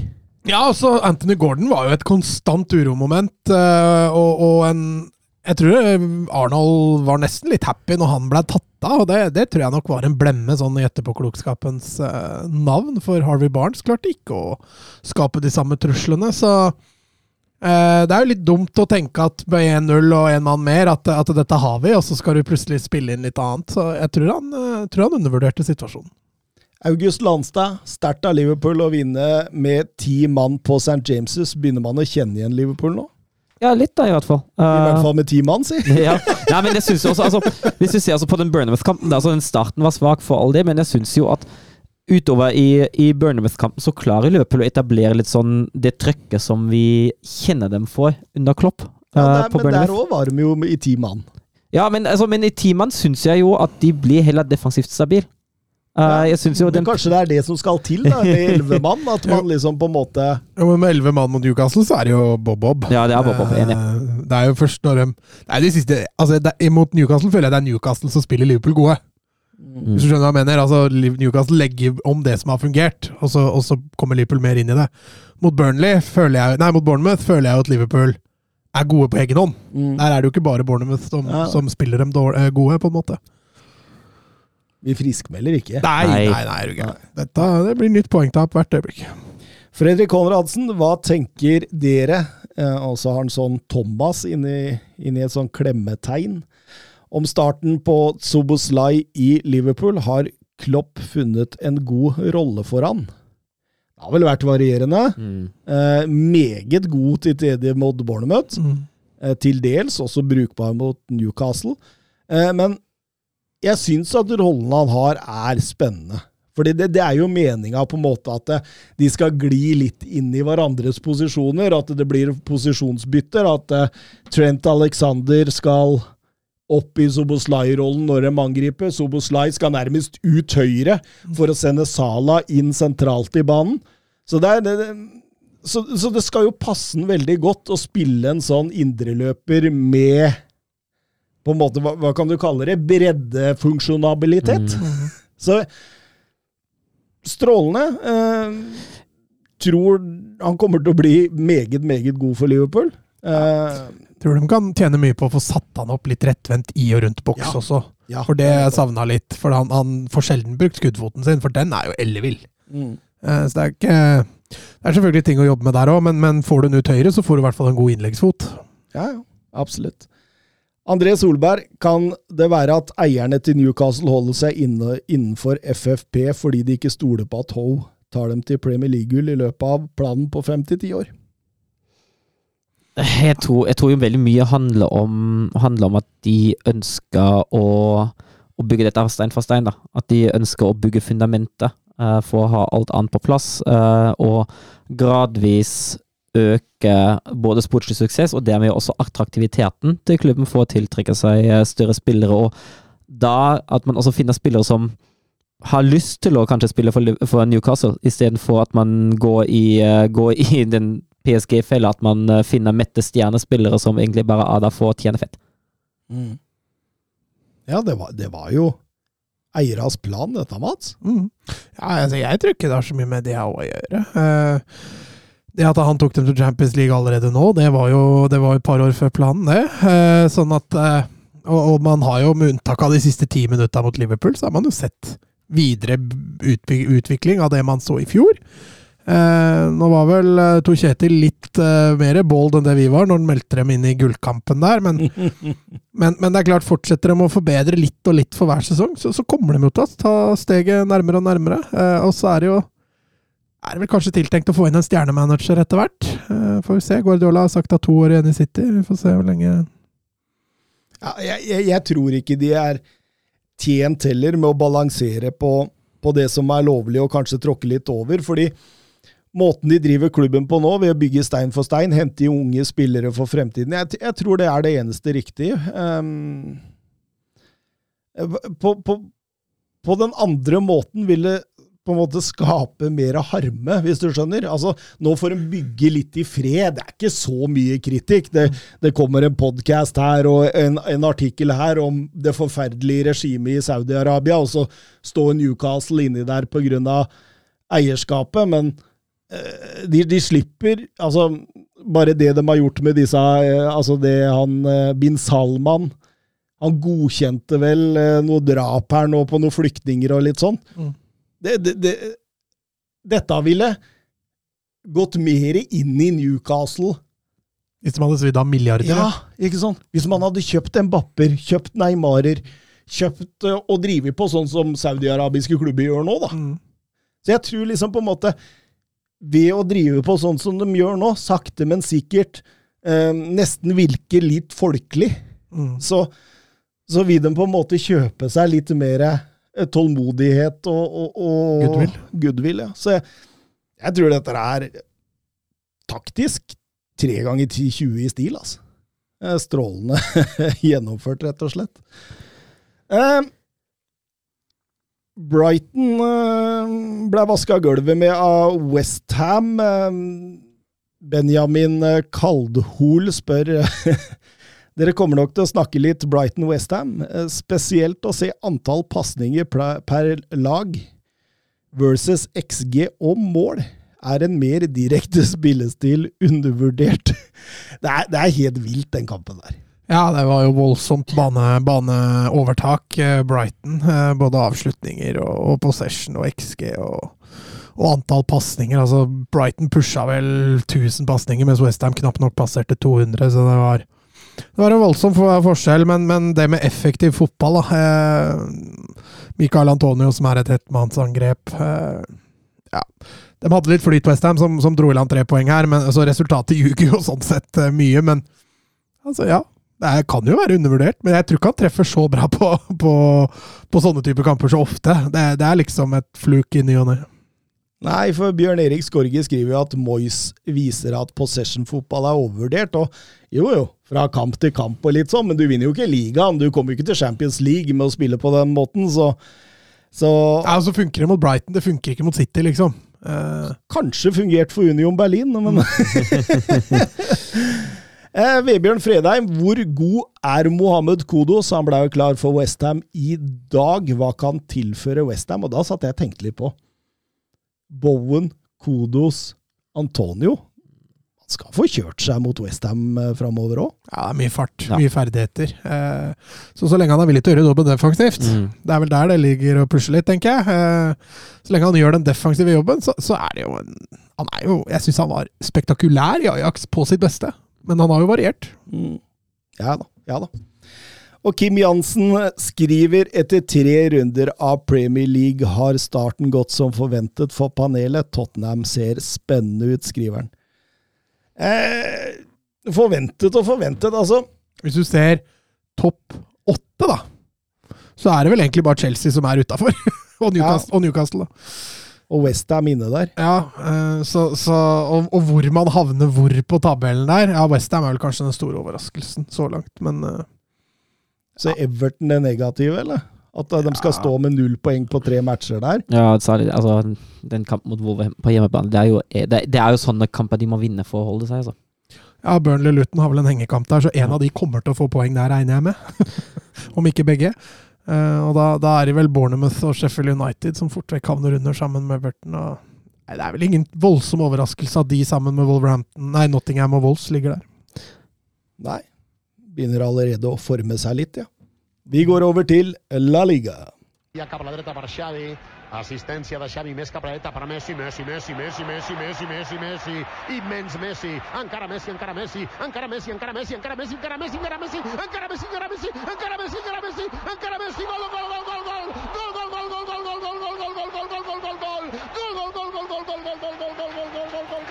Ja, og vi begynner med Celta Vigo mot Real Madrid, og Torjus Hansen skriver Gabri Veiga. ja, altså Jeg syns Tony Kroos sammenfattet det hele ganske fint, da. Da han kommenterte på Instagram med ett ord embarrassing. For en jævla klovn! 21 år gammel, verden for dine føtter. Ok, det var kanskje skuffende at det ikke ble en Napoli-overgang. Det var nok det han kanskje ønska seg. Men da velger du heller et år til i Celta, så venter ja. du, altså. du kan ikke. Men han, han har vel forsikra familien i mange generasjoner framover med den overgangen, og, og, det er vel sånn sett økonomisk, eh, økonomisk gunstig. Men du kaster jo fra deg alle ambisjoner som fotballspiller. Ja, men du redder jo familien din, da. Så du målet til Neymar? Ja. Å, fy fader, for forsvarsspill! er noe av det verste jeg har sett av et forsvarsspill. Altså, gi Neymar de romma, liksom. Han bare rygga, rygga, rygga. Han fortsatt å løpe der, så jeg sikkert bare kunne løpt ballen i mål. Ja, Men det er jo ikke fotball! Nei. Det er jo en annen idrett de ja. spiller over der. Altså, Neymar må jo skåre 100 mål! Men jeg, jeg så en på én sånn, omgang! Men jeg så, jeg så, en sånn note på Twitter da, som skrev at nei, men dette her var en charity-kamp mot, uh, mot et indisk lag. Så det, men ja, Poenget står seg likevel, da. det, det, det, gjør det, altså. Men, men, altså, men altså, ja, han har sikra altså, familien sin økonomisk, men det er jo ikke sånn. altså, Mannen er 21 år gammel. Han tjente sikkert ikke dårlig selv, da. Nei, og så, og så spiller han fotball i hva vet jeg, 14 år til, da. Og så kommer han jo til å spille for større klubber òg. kommer til å signere større kontrakter. Det er ikke sånn at familien hans trenger å lide noen nød hvis han uh, ikke velger den overgangen der. Nei, sånn rent sportslig er det vel umulig å forsvare en sånn overgang. Eh, rent et etisk også er det vel umulig å forsvare. Eh, Når kommer han tilbake til Europa? Nei, men altså, det er det da. Jeg har også satt og tenkt litt på dette. Alle de som signerer nå i, nede i Saudi-Arabia der. altså Hvis de signerer tre, fire, femårskontrakter, hvem er det som skal kjøpe ut dem? da? Trenger Saudi-Arabia penger, eller? Nei. Nei. Ja, Benzema så jeg allerede var ute og angra seg. Ja, det er nok flere òg som eh, gjør det ganske raskt. Ja, det er det jeg tror er dumt. Altså, nå, nå, kan han sitte der nede. La, vet jeg ikke hvor lang kontrakt han signerte, da, men la oss si han signerte en fireårskontrakt. da. Men altså, Som landslagstrener òg, altså, som, jeg hadde jo blitt forbanna hvis en hvis en spiller rundt landslaget hadde valgt å bare melde seg ut av sportslig eh, konkurranse. Hadde ikke tatt den ut. Nei, ikke, ikke, ikke, ikke, heller, men altså, du, altså Gabri Veiga, da av 21 og ha et enormt potensial, og så bare kastes det bort for landslaget, egentlig. Fullstendig. For, ja. Nei, jeg er helt enig, jeg hadde ikke tatt den ut heller, men jeg er blitt dødsforbanna som landslagstrener. Det fins mange nok gode fotballspillere ja, ja. i Spania til at man må velge de som spiller i Saudi-Arabia. Ja da, Celta var vel fornøyd. Da fikk jo rundt 500 millioner der, så de fikk jo godt betalt, eh, fikk jo godt betalt dem, da. Apropos kampen, Kepa sin debut i Real Madrid-målet. En ball eh, bak i ryggen på han eh, i løpet av de første to minuttene der. Jørgen Strand Larsen var inn. Hvorfor i alle dager går VAR inn der? Nei, jeg synes jo, altså det, det man ser da, hvis, ser på, hvis, man ser på regelen som keeperne er beskytter i, i femmeren, da, eh, så er det jo som regelen er i dag. Og hvis man ser på bildene, altså drakta til Kepa står stå ut, så han, trekk, han drar i drakta. Uh, og de sørga for at han ikke når fram til boksinga som han skulle ønske. Uh, så, så, det er nok derfor. Og eh, jeg kan jo være enig i at regelen kanskje trenger en overarbeidelse på det punktet, da, men som regelen er, og som regelen blir tolka på angrep på keeper, tenker jeg nok at det er greit. Ja, ja, ja kanskje. Kanskje. Det Jeg syns Kepa får greie betingelser der. Han bokser ut og bokser dårlig ut i nummer åtte der, var det vel. Ja, jeg syns det var veldig rart at den ble annullert. Jeg syns det var eh, synes han var litt tynn. Og når du ser hva, hva offensive spillere blir utsatt for i boks, så tenker jeg at hvis vi skal begynne å legge lista der, så Ja, da kan det fort bli mye frispark altså, og det, det, straffer. det er det med clear and obvious jeg sliter med igjen. ja. Altså, Er dette her en klar dommerfeil? For hvis dette er en klar dommerfeil, da, da, da vil man få det tøft framover å holde den linja, ass. Nei, men eh, det er litt sånn som Søren sier, da. Altså, Keepere er jo, er jo veldig overbeskytta i, i egen boks. Og, og når den først gikk til VAR, så tenkte jeg ja, da blir den vel ratt annullert. Eh, eh, men men uh, veldig synd for Strand Larsen. Veldig fin flikk der. Uh, han og Celta hadde virkelig trengt den starten der. Mm. Mm. Så må Vinicius ha med skade. Ja, det er blow for Real Madrid, det. Har vi hørt noe om lengden på den skaden, eller? Ja, det skal jo være en, en, en kjenning i låret der, så han blir borte noen uker, ifølge men, men det kunne vært også mye verre hvis de hadde valgt å fortsette, for han ble jo teipa og, og forsøkt videre, men de valgte å spille safety first der. eh, Så det skal visstnok ikke dreie seg om, om altfor lenge. Men det er dette vi har snakka om før, da, altså bredden Real Madrid har offensivt. Det er klart, Nå spiller jo Bellingham både indreløper og sittende og spiss og kant. og sånn, så Han, han løser, vel, løser vel det òg, men, men dette var vel kanskje Bellinghams lekekamerat nummer én offensivt. Så det kan vel hende at de kjenner dette her etter hvert, hvis han skulle være borte noen uker. Ja, for man har, man har jo en jevn fotballkamp her. Ja, men altså særlig første jeg Real er ganske harmløse. Eh, De går til pause med en XG på 0,27. Eh, og de, de våkner jo først igjen etter en sånn halv omgang. Vi har snakket litt om de slow startene Real har vært under Ancelotti også i forrige sesong, og jeg syns jo egentlig det fortsetter også inn i denne sesongen her. Eh, Jeg synes sånn etter, etter halvspilt omgang, da, eh, så begynner å komme seg litt ut og, og begynner å produsere litt og skape litt, men eh, jeg syns det er jevnt, og jeg syns jo det er Celta som har nærmest scoring, ikke bare pga. den annullerte. Blir litt bedre, syns jeg, når Kroos og Modric kommer inn. Ja, de får stabilisert det litt. Eh, Det er litt mer erfaring og tyngde som kommer inn der. eh. Og så føler jeg det frigjør Bellingham litt mer offensivt. Det er klart det er ikke det han scorer på, men, men, men det begynner å skape litt. da. Det begynner å bli litt mer trussel her. og det, det gjør at Celta også plutselig må ta litt mer hensyn, og da blir Celta mindre farlig også. Det, var, det gagna dem. Mm. Rodrigo bommer på et straffespark der. eh, Fin redning. Ja, vi er det der, ja. Mm. Men de har jo Bellingham. Det er jo etter en dødball eh, hvor Real Madrid vinner, vinner på første, og så er Bellingham råsterk i duellen med Aido der, og klarer å komme seg foran og, og header videre. Eh, Skårer vel sitt fjerde mål i sin tredje kamp, så han har jo fått en helt grei start. Det kan man si. Og Gustav Horndal, han spør Er han verdens beste fotballspiller? Hvis vi ser akkurat nå, eh, etter tre eller to kamper i noen liga inn i sesongen 2023-2024, ja. Hvis vi bare tar et øyeblikksbilde akkurat nå, ja. Han kan jo nesten gå litt lenger tilbake òg. Jeg syns han har vært strålende hele året. Men det er klart, eh, hvis vi tenker Ballon d'Or til vinteren, så er, så er han vel ikke helt i toppsjiktet der, men eh, fortsetter han sånn som han gjør nå, så, så skal det ikke bli så lett å komme utenom han framover. Kommer snart et EM hvor England er en av storfavorittene. Eh, Ja. Det, det, det kan fort ligge an til noe Ballon d'Or på den da. ja Altså. bare synd at Gareth Southgate er trener, da. eh, Milos på Twitter, dere diskuterte sist episode at Real Madrid burde hente en ringrev. Konka steppe inn når Militao er ute.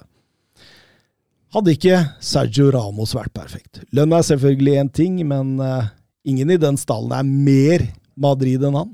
Nei, nevnte vi ikke Ramos òg? Jo, det var vel Ramos og Bonucci vi snakka om i Ja, spøkelsesepisoden, ja. Ja. Stemmer, stemmer. Eh, ja, nei, vi sa jo det da, at eh, det var ingen som hørte det, da, men eh, At vi, vi foreslo Ramos da, at det, det kunne være en, en god midlertidig løsning ut sesongen. Eh, han er jo fortsatt Bossmann-spiller. Mm. Så får vi se om han kanskje har øye for å hente litt enklere cash i et annet land. Ja. Sevilla Girona. Ja, ouch. For Sevilla. Hverdagen vil hente Mendelibar og Sevilla, eh, sa vi før sesongen, Mats. Og Nå går de på sitt tredje strake tap. Det, vi kan huke av den. Ja. Eh, ja, foreløpig har dette sett eh, tro kopi ut på starten i fjor. Eh, de hadde et lite avbrekk etter en god prestasjon mot City, hvor de eh, egentlig kunne fått betalt mye bedre enn det de fikk den, eh, den kampen der. Eh, I serien har det sett grufullt ut. Det er litt tilbake igjen til start for Mendelibar. Det det er et forsvar som Altså, du føler motstanderne kan skape noe på deg litt for ofte, da. Eh, Det er litt for store huller der. Det er litt for store avstander. Aggressiviteten er ikke stor nok, og, og de er rett og slett for dårlige én mot én. I fjor snakka vi om alle de røde korta som plutselig stoppa litt under Mendelibar. På de første tre kampene har de allerede rukket å få et rødt kort. Mm.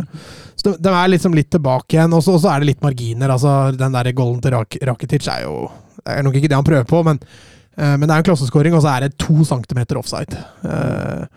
Men, men ISL altså på slutten der, de må jage mål, og likevel greier de ikke å prestere. Du ser en Nesiri som Jeg tror oppi hodet tror jeg nesten han er ute av klubben. Jeg tror Det er liksom så mange der som virkelig ser ut som er på vent, da. Ja. Det er liksom ingen som Så jeg skal bli spennende å se Sevilla når overgangsvinduet er lukka, åssen stallen ser ut da. Nå har de jo også henta Lukebakio eh, den uka som var nå. Får vi se åssen forsterkning eh, det blir. De Eh, henter så mye sånt. ja, sånne kan avdanka kantspillere. Ja, og, og, og, og, spillere som liksom Du veit ikke hva du får av dem fra kamp til kamp. altså Nå er hele forsvaret dem sånn.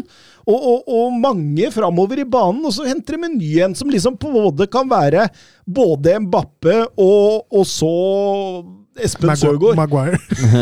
Ja, men altså, du, du, du veit ikke hva du får. Og når du har så mange spillere i ett lag som som har en prestasjonskurve på likhet med berg-og-dal-banen på Liseberg. Så, så, så du, du, vei, du, altså, du kan ikke stole på det. Nei, og, og, og da klarer de ikke å få noe konstant bra heller. Nei, nei. Nei, og så ser du jo, du ser jo, altså, Det er så merkelig, da, når du ser så Det er så tydelig hva Sevilla trenger, hva Sevilla mangler. Og så henter man bruker bakhjul, liksom. Ja, Der bruker du penger! der. Mm. Det er så, ah, jeg, jeg, Ja, nå vil man ha Borna Sosa også fra Stuttgart. Nå vil man ha. Borna Sosa. Ja, ja, stemmer. ja, men ah, det, det er nesten eneste posisjonen som er helt OK hos dem. Ja, ja. Det er, det er, nei Nei, det er slitsom klubbdrift. Ja, det er voldsomt. Der, der skjer det mye rart, altså. Eivind Stølen. Sevilla har rykket tilbake til start der den var i fjor. Ja, no shit, Sherlock. Eh, Men hva skjer?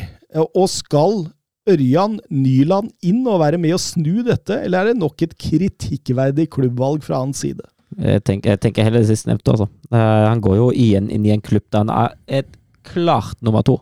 Eh, nå er ikke Dimitrovic overbevist heller. Nei, han sk- kunne tatt Alex Garcia sin 1-2-skåring der òg. Ja. uh, men uh, hvis Dimitrovic nå, med litt mer jevnlige kamper, kommer seg opp til Eiba-nivået han hadde inne, uh, så er det ingen vei for Nuland forbi deg. Nei, han må, han må, han må, jeg syns han må stabilisere seg på et høyere nivå, men hvis Dmitrovic leverer det han gjør nå, så tror jeg ikke Nyland kommer inn, med mindre det kommer flere tabber på rappen. For vi må huske på at det har Dmitrovic inne også. Mm. Han har noen blemmer inne. Eh, Så det kan jo hende Nyland får noen kamper innimellom, men, men veien til førstelagskeeper der, den, den tror jeg er, er ganske bratt. Eh, eh, Samtidig så holder man døra litt på gløtt når man veit hvem som er førstekeeper der, så skal ikke avskrive det helt, men akkurat nå så føles den lang. Der tenker, jeg, altså, tenker jeg egentlig at han kunne igjen hatt litt mer is i magen. Altså Som Bossmann-spiller, når overgangsvinduet stenger, så er han jo ettertrakta, og plutselig er det en skade på en eller annen keeper i en eller annen helt decent europeisk klubb. Og da er Nuland fort en altså, altså Han er jo tross alt beritta som, eh, som landslagskeeper. Har stått noen kamper for Leipzig. Ikke dårlig CV han har, og da kan fort være ettertrakta som, en, eh, som en løsning der. Altså. Så jeg syns England bør ha hatt litt mer is i magen. Han er vel også arkitekten bak en av de mest spesielle måla, eller ikke-måla, i Premier League. Mhm. Ja, faktisk. faktisk. Eh, via Real Barcelona, for en kamp vi fikk, Mats. Der eh, Ja, det har ikke vært så mye propagandafotball i La Liga i år, men akkurat den kampen der tror jeg var god reklame for, eh, for La Liga. Det bølga fram og tilbake. Det var to lag som var mye bedre offensivt enn defensivt, og eh, det var jo en drømmestart for Barcelona med markeringsfeil og flyt, og ballene spratt hit og dit, og de landa i riktig fot hver gang for, for Barcelona sin del. og og fikk 2-0 etter et kvarter der, så tenkte man jo at dette, dette er ikke noe problem. Eh, og så greide vi Areal å stabilisere litt. Virka som Barca skrudde av lite grann. Tok ned et par knepp. Og, og Villarreal fikk flytta seg opp litt, litt høyere i banen der, og så var det en dødball med Foyt som plutselig da satt litt spenninger. Og da, da blei det litt mer Litt mer Hawaii. Hvis jeg kan si det på den måten. Så kan du si at den venstresida med Pedraza og, og Baena, de, de, de, hadde jo en motorvei. altså Mhm. Altså, Man skjønner hvorfor man henter Cancelo inn der i disse dager, fordi eh, Sergio Roberto Det var nakent, altså. Det, det, det, altså de, alt Villarreal skapte, skapte dem ut på den sida. Ja, og Kondé som høyrebekk kan man jo si mye rart om offensivt, men defensivt har han jo i hvert fall vært et lite lim, da. Når han da må inn som stopper, og Roberto må ut på høyrebekken, så er det klart at da får du en bekk som er kliss lik Pedro Porro omtrent. ikke sant? Kan, kan komme med mye bidrag offensivt, men er for dårlig defensivt, og det ser man jo her. Alex Beina var litt mer tilbake enn der vi husker han fra i fjor, og, og Pedraza spiller jo en kjempematch. Og Sørloth setter 2-2 før pause, søren. Ja, og da er han vel den nordmann med flest seriemål eh, mot Barcelona. ja. Ja, vel, Ikke at den konkurransen var så høy, han eh, gikk forbi eh, Jon Carews ene. Men det er jo, altså, det er jo han han innleder det jo sjøl. Ja, det er en fin scoring. fin scoring. Ja. Fint, Ja, fint angrep. Ja, ja. Og han kunne jo hatt det tidligere der, hadde det ikke vært for at Capoe toucher ballen så vidt det er når han blir spilt gjennom der. Han setter den jo iskaldt mot der stegen. Men den ble annullert for offside, så da, da fikk han den her isteden. Og den også var veldig marginal. når den ble spilt gjennom der, så er den vel to centimeter onside. Så. Men der var det flytt. Men tross eh, 3-2-skåring til Villarreal og Alex Baena ganske tidlig der, nok en gang Pedraza og Baena, altså. Men så syns jeg de finner litt mer ut av det, Barcelona. Ja, de legger om lite grann. De får inn Ferran Torres der, som, som får lov å vandre litt mer, og, og, og skaper en litt annen trussel. De greier å skape overtall eh, mer sentralt, og, og, og det får man jo eh, betalt for når det er riktignok litt flipperspill der inne med Gavi, men, men Ferran Torres er på rett sted til rett tid der, og, og får satt 3-3, og, og da blir det en liten go. Så har vi jo en unggutt, da. Lamin Jamal, eh, nok en veldig bra kamp. Eh, defensivt så er det jo selvfølgelig fortsatt litt flatt, men offensivt så er han utrolig skapende. Han er ordentlig spennende én mot én off. Eh, har bra fart, eh, strålende venstrefot. Meget gode tyngdeoverføringer, så man ser jo fort sammenligninga med, med Messi her. Eh, alltid vært veldig forsiktig med de sammenligningene, for det, det, de er litt drøye. Men eh, man, man, ser jo, man ser jo hvorfor de sammenligningene kommer. og og drar seg fint inn der før 3-3 og setter den i stolpen, og så er Lewandowski der han skal være.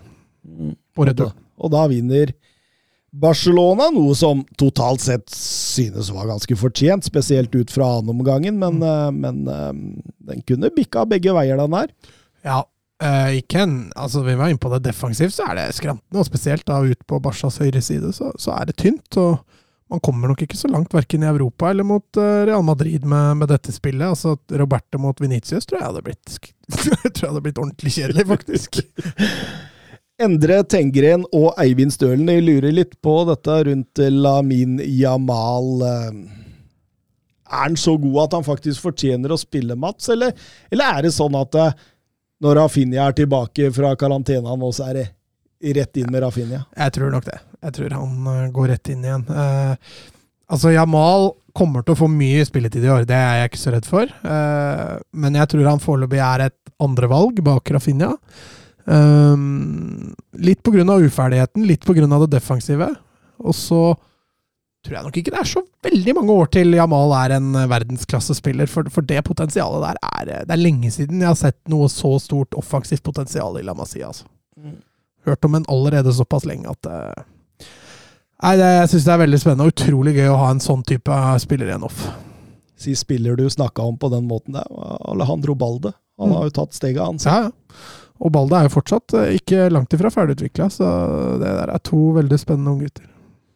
Rayo Vallecano Atletico Madrid spilles i kveld. Eh, Vinneren av den eh, blir med helt opp i toppen der, den. Så det Ja, Rayo de har også klart overgangen, foreløpig i hvert fall, fra Iraola.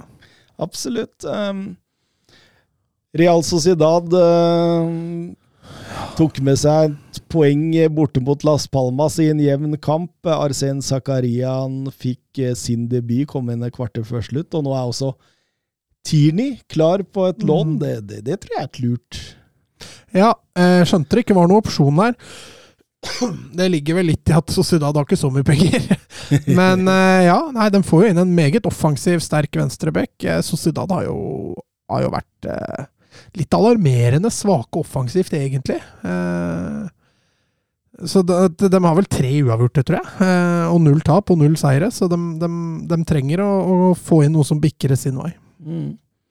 Valencia gikk på tap mot Osasona, og dermed stoppa den eh, flyten de har hatt ut fra start. Og, og Betis eh, drar til Baskerland og taper 4-2 mot Athletic Club eh, etter å ha leda 0-2, faktisk. Mm.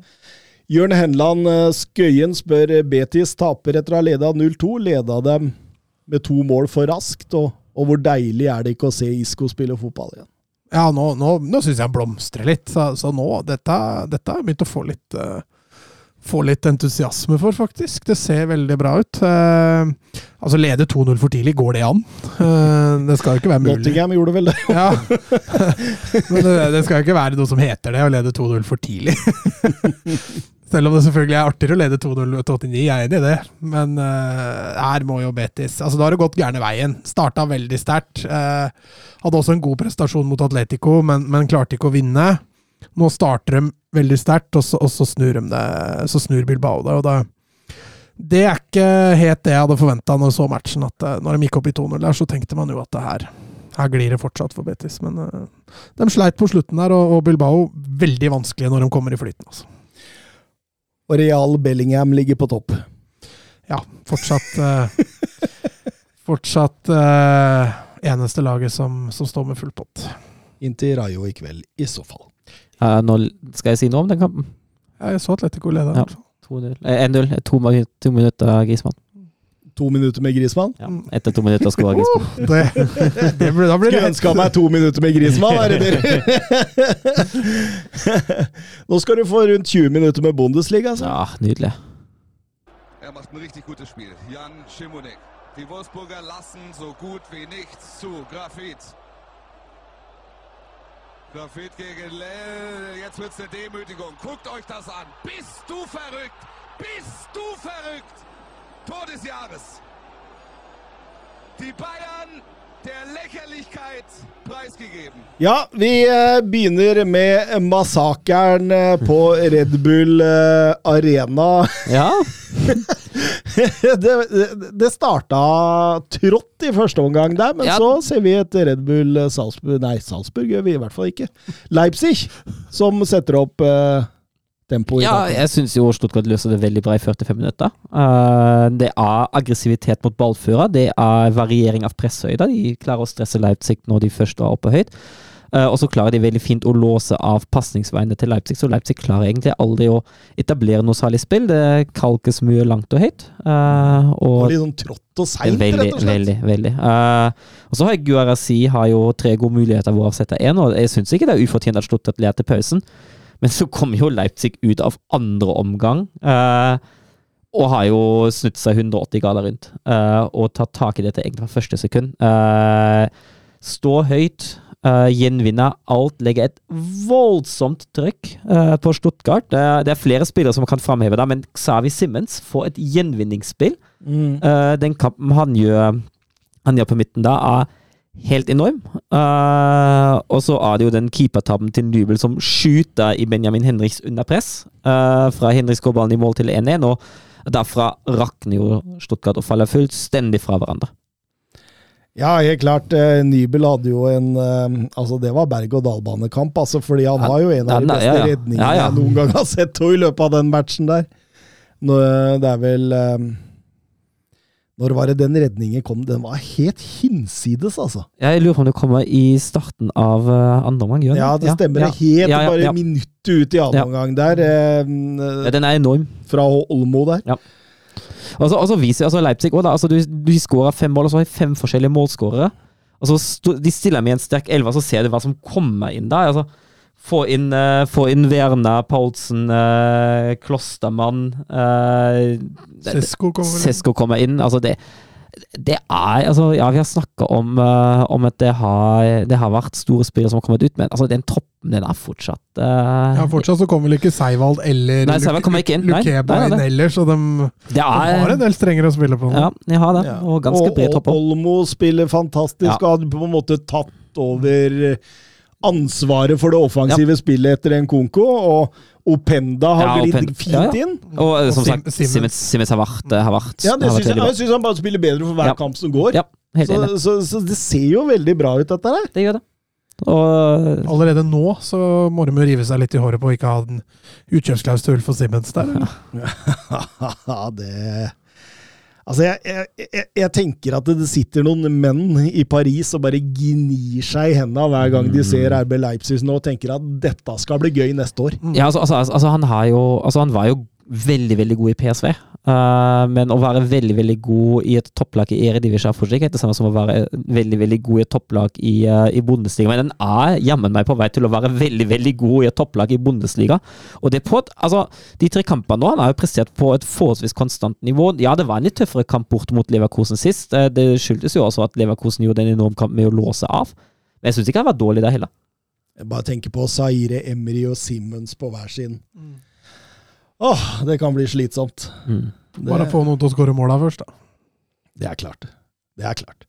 Nei, 5-1. Uh, nydelig annenomgang av Leipzig som, uh, som uh, høvler over laget som vant 5-0 i premieren. Det er litt sånn Ja, det, det, det, har, det har ikke skjedd ofte. Det skjedde med HSV en gang, at de, vant med, at de skåra fem, mål- fem mål i første kamp. Og så reiste de til Bayern og fikk 6-0 i sekund. Jeg tror det er sånn 40 år siden.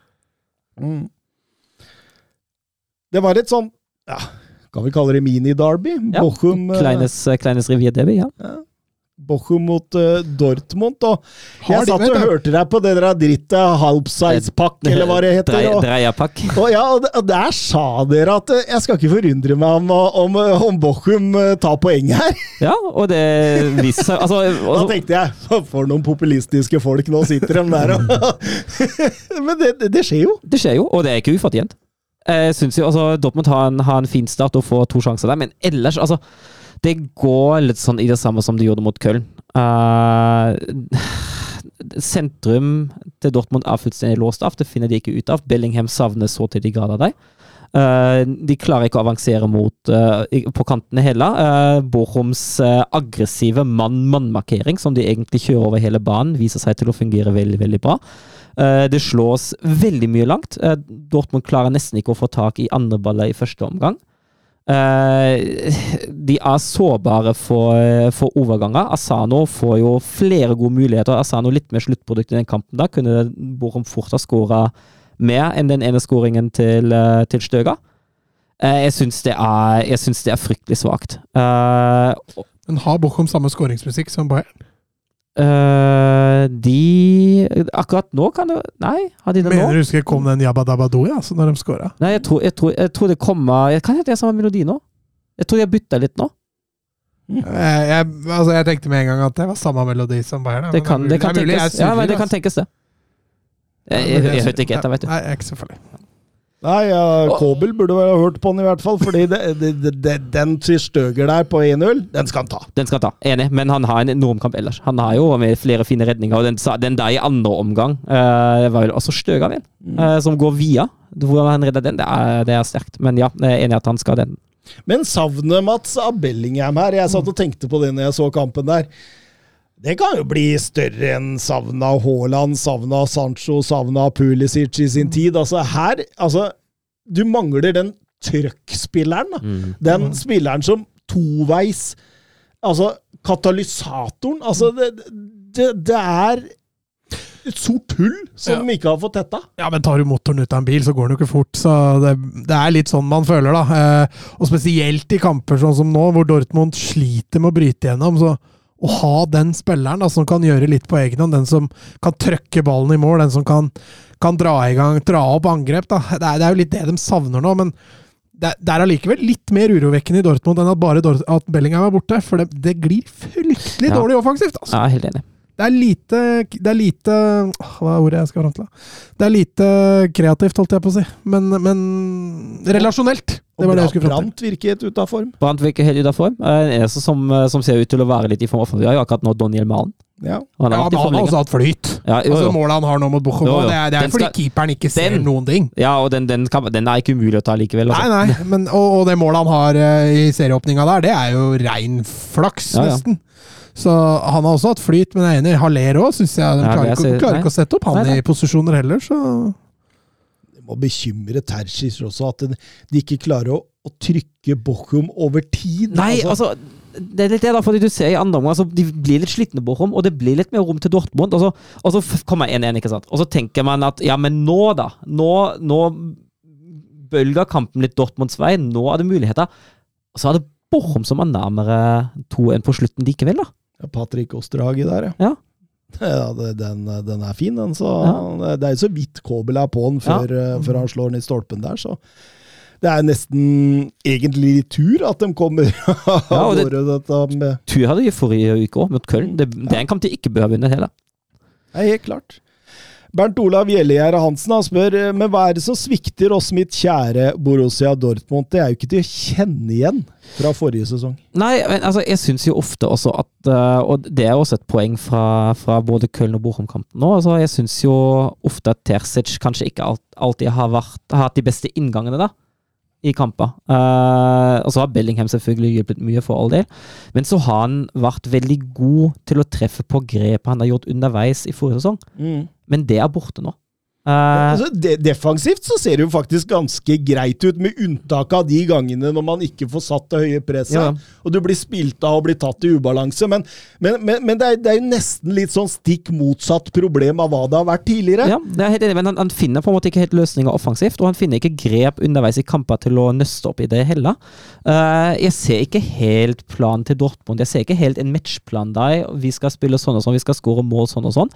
Uh, jeg syns det er så bekymringsverdig når man ikke klarer å, å avansere, eh, som man gjør nå mot både Köln og og Bochum, at man da velger å ikke ha et høyere toppress for å ta dem litt, litt høyere i banen og klare å, klare å ta dem i ubalanse der. Eh, det savner jeg litt. Det ser ut som at, eh, at det ikke er et, alternativ nå. Og summen av det hele gjør jo at det ser voldsomt trått ut offensivt. Og så er det så er det så kjipt da, når du, når, du, når du ikke får det til å fungere offensivt, verken relasjonelt eller taktisk, og, ikke ha en spiller eller to som kan gå av press sjøl og skape ubalanse på egen hånd. Altså Malen har kanskje det genet at han kan klare det, men altså Metcha har jo ikke sett ut som, som han har det inne. Brant Det går for sakte, rett og slett. Eh, og Haller er jo ofte for høyt i banen, så eh, altså Når du sliter, da, å kunne sette inn på en Adiemi i form, vil jo kunne hjelpe etter hvert. Eh, som kan skape ubalanse helt på egen hånd. Mokoko, hvis han kommer tilbake igjen i, i form der. Eh, så jeg tror nok dette blir bedre etter hvert, men, men det er allikevel litt skremmende å se Dortmund uten mål og mening offensivt. altså.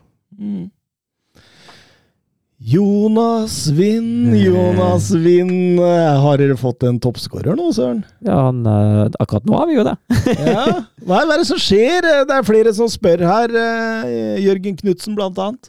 Ja, nei, altså han, eh, han har jo Altså Han må jo inn nå som toppspiss fordi Lukas Semecha er jo skadet i kneet igjen. Uh, Skada seg i cupmatchen for to uker siden. Eh, Kanskje greit å bare stå sånn, da? eller? Ja, det skal det skal jo inn en, eh, inn en, eh, en spiss til. Derfor en Høydonk eh, ryktes jo på lån. Jeg tenker at Det er fornuftig. Det er ikke akkurat mye bredde der oppe, men han har jo vært enorm.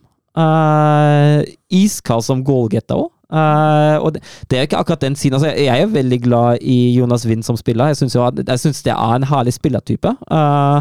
Men han har jo ikke akkurat vist seg å være en stor goalgetter. Han har jo han putta litt her og putta litt der. Men det at han skårer såpass mye og og så er såpass kald, egentlig, som man ser ham på, på skåringene nå. eh, det er nytt. Det er bra. Manchester United kjøpte feil danske. Ja, nei, de, de jobber i motvind, det er det du sier. Vi får, vi får se. Nå er det to kamper, da. Men uh, veldig, veldig gledelig at han skåra fire mål. Men du sa du ville kreditere Kovac? Ja, altså, den kampen mot Køllen, da. Uh, første kvart er veldig, veldig bra. Skaper to sjanser og en sinnssyk dobbeltsjanse for Vind, og så blir det ganske trått. Uh, og så er det jo egentlig Altså, han, start, han velger å starte med Kozza som venstrebekk og Male som høyrebekk. Uh, og høyresida med Svanberg, Male og Czerny, uh, som jobber voldsomt og stenger absolutt alt. Det, det skjer ingenting der. Den er, den er trygt defensivt. Og nesten alt som foregår, foregår på venstre, og da er det jo godeste Nicola Cosa. Han står feilplassert. Jeg syns han er seint uh, inne i duellene. Han, innimellom ser det ut som at han, at han trekker seg litt eh, i dueller. Og, altså, jeg føler at det er en sikkerhetsrisiko. Eh, og egentlig hele første omgang offensivt er det ett godt innlegg som kommer, ellers er det, er det ganske natta der òg. og så har man jo Ridle Baku på benken, og Joakim Male kan jo som kjent spille fint både venstre og høyreback. Uh, og jeg tenker, altså, jeg, jeg sender jo melding til, til broren i pausen og bare sier at han må jo ut. Det går jo ikke. Men uh, Kovac har nekta. Eh, og så er, jo, er det jo Kozza som ikke er inn i duellen med Luka Waldschmidt uh, før han uh, Er det banker inn Kjell ender. Roar Kaasa? Er? Nei, nei Nicola, Nicola Kaasa. Men altså, han er jo ikke inn i duellen Det har vært veldig festlig om han hadde vært han. Men det er jo han som ikke er inn i duellen. Uh, og da finner Kovacic Nei, nå må han ut. Og det irriterer meg så grenseløst at, at han reagerer istedenfor å agere. Jeg tenker at han som høybetalt fotballtrener altså han, han bør jo se det før det går skeis, da. Du tenker at når du ser det sjøl i TV-stua, så blir det Ja. i hvert fall han som sitter og får betalt for å se det? Ja. Ja, det, det tenker jeg litt. Og, Og, og, altså, og så skjønner jeg ikke helt den passiviteten for altså, det var, ikke, altså, det var ikke en så bra kamp at man absolutt ikke måtte forandre noe. Men det er litt sånn klassisk Kovac. det Seine bytter og seine grep og Ja. Det irriterer meg. Men uh, det gikk jo bra denne gangen, til tross for den passiviteten. Det er to strake seire og borteseier i Køllen. Ja, det er fint, det. Det, det, det, Du hadde vært fornøyd med det, Mats? Ja. Ja. ja jeg syns Kovac gjør en strålende jobb. Nei, jeg syns, jeg syns ikke alt er dårlig, men akkurat den delen irriterte meg. Ja ja. Men uh, seier, gratulerer med det. Søren. Fint, det. Uh, Bayern München, Augsburg.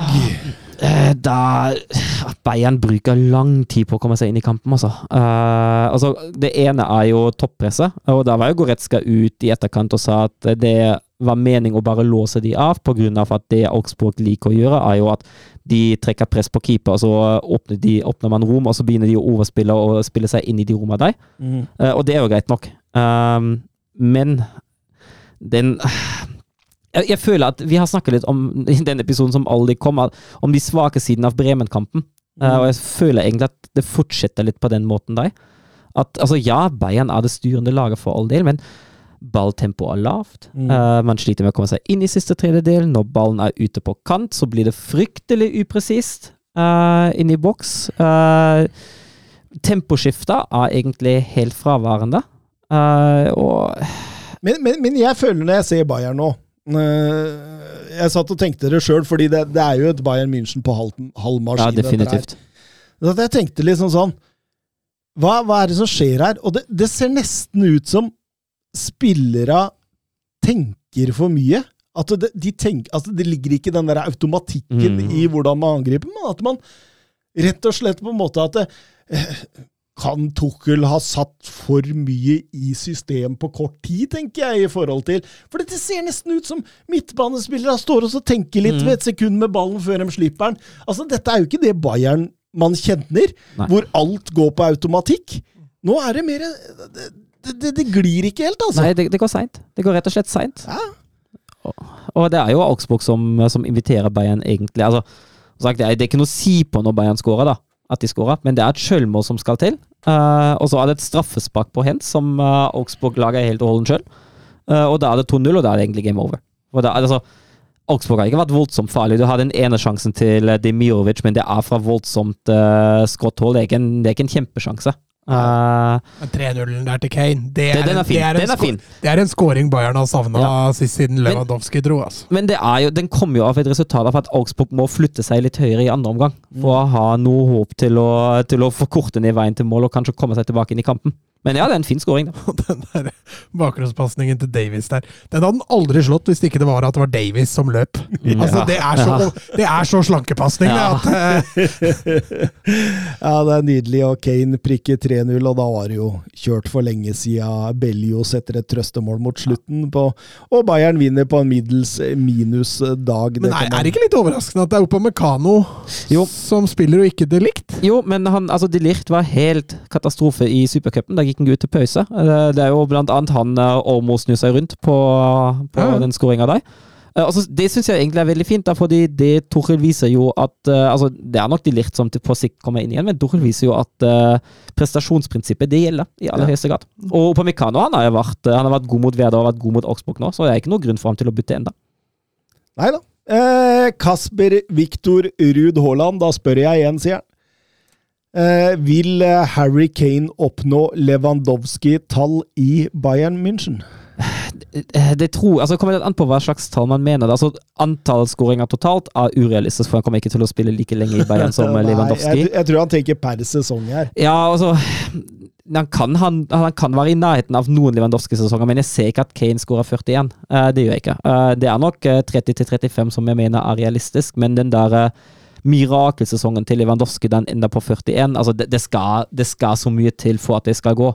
Uh, og som Bayern framstår akkurat nå, ser jeg i hvert fall ikke det. Uh, men at han havner på et sted mellom 30 og 35, ja, det tror jeg. Ja, tre mål på to kamper da. Jo, jo.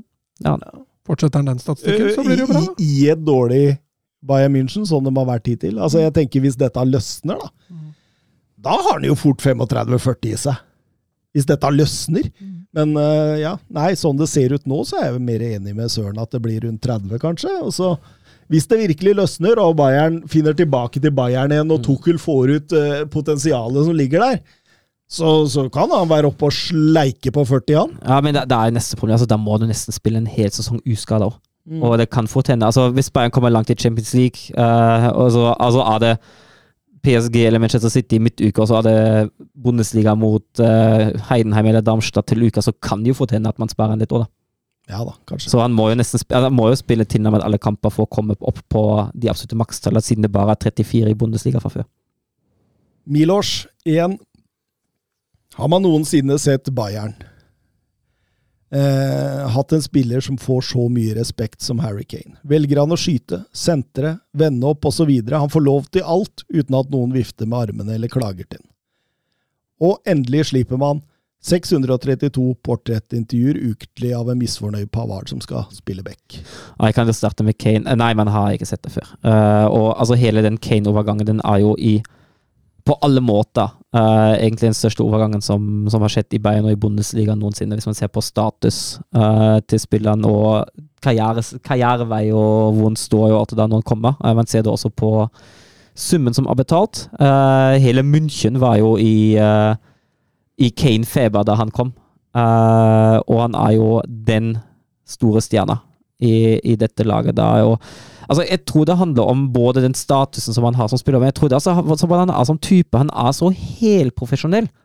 Uh, og det er jo tross alt en Altså, han er spiss, han skal skåre mål, men det er jo tross alt en lagspiller. Du ser det jo både mot Bremen og mot Augsburg. Han dropper jo dypere. Han deltar jo i spillet. Det er ikke at han uh, ligger i boks og bare venter på at ting skal skje. Nei, nei. Uh, og jeg tror både væremåten hans, summen som er betalt for ham, og statusen han har i fotballen, som kombinasjon, da, uh, sørger for at den respekten som man, uh, som man får, er helt enestående for en ny Bayern München-spiller. Mm. Uh, når det gjelder Pavard, ja uh, Går den til Inter? Ryktes sterkt nå, Ja. uh, for rundt 30 millioner euro. Og han, han, han har jo vært misfornøyd og sutra lenge nå. Og jeg mener jo at altså, dette er jo en helt ok spiller, men jeg syns jo at Benjamin Pavard egentlig aldri, i hvert fall ikke over en periode, har vært på det nivået som Bayern skulle ønske. Uh, og så handler jo veldig mye for Pavard handler jo veldig mye om at han skal Han er nok planlagt mest som høyrebekk, men han vil uh, gjerne spille midtstopper. Han mener at det er da han hører hjemme, og det kan Bayern ikke gi ham. Mm. Og ja, nå kan det se ut som at han drar likevel. Vi får se. Det blir spennende å følge med på overgangsvinduets siste dager nå. Er det fair å si at de to beste engelske fotballspillere spiller ute av Premier League? Ja, det er litt spesielt. det er litt spesielt. Eh, Union Berlin eh, knuser Darmstadt med ti mann på banen. Tror etter jeg skulle si 10-0. Brendan Aronsen ryker på et rødt kort tidlig der. Men da, da får Union spilt på styrkene sine, og Kevin Behrens får til og med satt et mål der som gjør at han har fire på to. Ja, og Robin Gaasen i sin aller første Bundesligakamp uh, med to skåringer. Mm. Uh, Rønner med en sterk kamp i Union-buret der. Darmstadt har jo noen sjanser, men uh, Rønner redder det meste. Freiburg vinner 1-0 over Werder Bremen Ja. i en tett match. Ja, Maximilian Philip lån får, lån fra Wolfsburg tilbake til eh, klubben da karrieren egentlig starta, uh, på overtid der. Jevn kamp. Uh, uheldig for Bremen å ryke på den der. Mm. Mens eh, Leverkosen slakter Borussia München Gladbach og vinner 0-3. Ja, og det var, det var klasseforskjell. Eh, altså, det Leverkosen-laget da. Oh, Det Xavier Alonso har gjort med det Leverkosen-laget, det er så fantastisk å se. Uh, Jeg så liksom disse flyverne, da. Det er liksom litt på mote igjen nå i Bundesliga. Spesielt da under Leverkosen, hvor de chipper den over på wingbackene som Mm. kommer rundt der. Ja, de har jo to kule wingbacker. Ja, med Grimaldo og Frimpong, ja. Mm. Uh, Men, og, men Jørgen Nystuen spør er det det kuleste laget i Bundesliga nå. ja, å se på, ja, definitivt. Uh, jeg syns det. Uh, jeg syns altså de spiller, de spiller en De spiller en taktisk fin fotball, spiller en underholdende fotball, spiller en veldig voksen fotball. Uh, så jeg syns det, det ser meget bra ut. Så hvis man har valget akkurat nå, hadde jeg anbefalt å se på Leverkosen, ja. Årets Napoli. Vi får se. Altså, Ja, Petter Halsted spør her. Oh, ja. Kan det bli gull? Uh, Jørgen Knutsen er litt mer beskjeden og sier topp tre. Uh, Topp tre tror jeg absolutt. Uh, for gull må jo alt passe, men jeg mener jo at Leverkosen er den største outsideren til å kanskje gå hele veien, da. Eh, Det er litt synd, sånn som det ser ut akkurat nå, så skulle Leverkosten møtt Bayern uh, ganske kjapt. mm, ja, for, For Bayern kommer jo antakeligvis til å bare bli bedre og bedre. Uh, Men for at et annet lag enn Bayern München skal ta gull, så mener jeg fortsatt at det, det avhenger først og fremst av Bayern, da. Det er tross alt Bayern som har den beste troppen. Uh, og så er Bayern møter jo Leverkosten faktisk rett etter landslagspausen. ja, det, er- det kan bli gøy. Det kan bli spennende. Men altså, hvis Bayern, hvis Bayern presterer som de skal, så vinner jo Bayern gull. Eh, Men hvis Bayern, hvis Bayern har en like svak periode i år som de hadde i fjor, eh, så handler det jo om å være konstant. Det er jo gjerne det laga bak ikke har klart å være når Bayern først har vært dårlige i en periode, at de har vært så innmari ukonstante sjøl. Men Leverkosen, av de lagene som, som er rundt Bayern nå, er kanskje Leverkosen det fremste laget som kan være konstant og ta poeng konstant. da. Ja, men også ser man Altså det som jeg altså, altså Virt, selvfølgelig, hvis han blir borte, så, så er, det jo, er det jo et kjempetap. Men, og Boniface har vist seg å være klasse. Ja. Men allikevel så føler jeg at Leverkosen har en brukbar bredde. Ja, de har Og det. De har har, bra kvalitet. har henta inn en del til bredden nå. Har, har, har handla veldig smart. Har handla, noen, eh, noen etablerte lederspillere. Uh, Granit Xhaka, det han har vist i Leverkosen så langt, oh, det har vært eh, helt Han ville ikke feire da, etter at han nesten fikk drømmeskåringa si der. Nei, han, Han, han begynte først å løpe, og, skulle, og så trakk han seg, og så ble Ja. hele målet annullert. Ja. Det var like greit. Ja. var like greit. tidligere, tidligere med sin Glattberg-spiller. Ja, ja, Ja. Eh, og så har man, har man henta inn noen, noen unge fremadstormende som uh, Arthur og, uh, og Boniface, og så har man henta inn litt for bredden nå. Eh, og det ser, det ser ut som en ekstremt godt balansert tropp. Nathan Tella kom inn Ja. fra Southampton. Og- og det- den, så jeg ikke komme. Nei, og det er kanskje en siste posisjon som de mangler litt, nå som Adli har vært ute. altså Det er jo hovedgrunnen til at de spiller, spiller en uh, trevekstlinje nå, er jo at Adli er ute, og at uh, Alonso ikke helt fant en erstatter. Uh, for han er fortsatt ute med karantene etter utvisninga mot Bochum i siste runde i forrige sesong. Og da har jo han identifisert at ok, da er det fortsatt litt tynt, og da henter man inn, uh, henter man inn en spiller som kan, som kan gå inn på den posisjonen. Som har et enormt potensial, men som aldri har klart å få det ut. Mm. Altså, han var brukbar i championship og lån og for Burnley, for all del. Det var litt sånn overraskende at ikke Burnley gikk for den, syns jeg. Mm. Men uh, husker han jo når han kom opp i, i, i Southampton der, og du så jo kvalitetene, og så ville det seg ikke helt, så uh, oppsiden her kan jo fort være stor, og så får vi jo se, da. Jeg, jeg tror Shabi Alonso veit hva han driver med, altså. Ja, og er det, altså, jeg tror er det én type trener som en sånn spiller trenger, er det jo akkurat han. En sånn taktisk klok uh, trener som kan utvikle unge spillere òg. Noen få ord mot slutten, eh, Døpke. Vi må videre. Martin Stokken eh, han lurer på om Elversberg holder seg, og da, da er jeg helt blank, så det Ja, andre Bundesliga, nyopprykka med ganske kul fotball fra tredje. Har jo kun tatt ett poeng på de første fire kamper. Uh, ligger sist i andre Bundesliga. Vært ekstremt nære i tre av eh, fire kamper. Har mista ledelse av deg og igjen har tatt seine baklengsmål som har ledet til poengtap. Blitt slakta av Düsseldorf i forrige runde med 5-0 på hjemmebane. Uh, den gjorde nok litt vondt, men eh, Men Er dette en sånn kultklubb, eller hva er det for noe? Det er første gang de er oppe på det nivået, Uh, men de spiller, de spiller ganske underholdende offensiv fotball. Uh, har, har tatt hele veien fra fjerde opp til andre i løpet av to sesonger. Uh, jeg håper det. Og hvis de klarer å bli litt mer kyniske, og hvis de klarer å holde litt mer på ledelse, da kan det gå. For de har egentlig Altså, jeg, jeg- mener at jeg har sett de første kampene at de har den kvaliteten som egentlig trengs. Uh, møtet med Düsseldorf var jo noe brutalt, da. Men uh, de har ikke vært langt unna. Så det er fullt mulig at de holder seg. Vi må over til Serie A. che era il marcatore di Cannavaro. Palla tagliata, messa fuori c'è Pirlo, Pirlo, Pirlo, ancora Pirlo di tacco, tiro,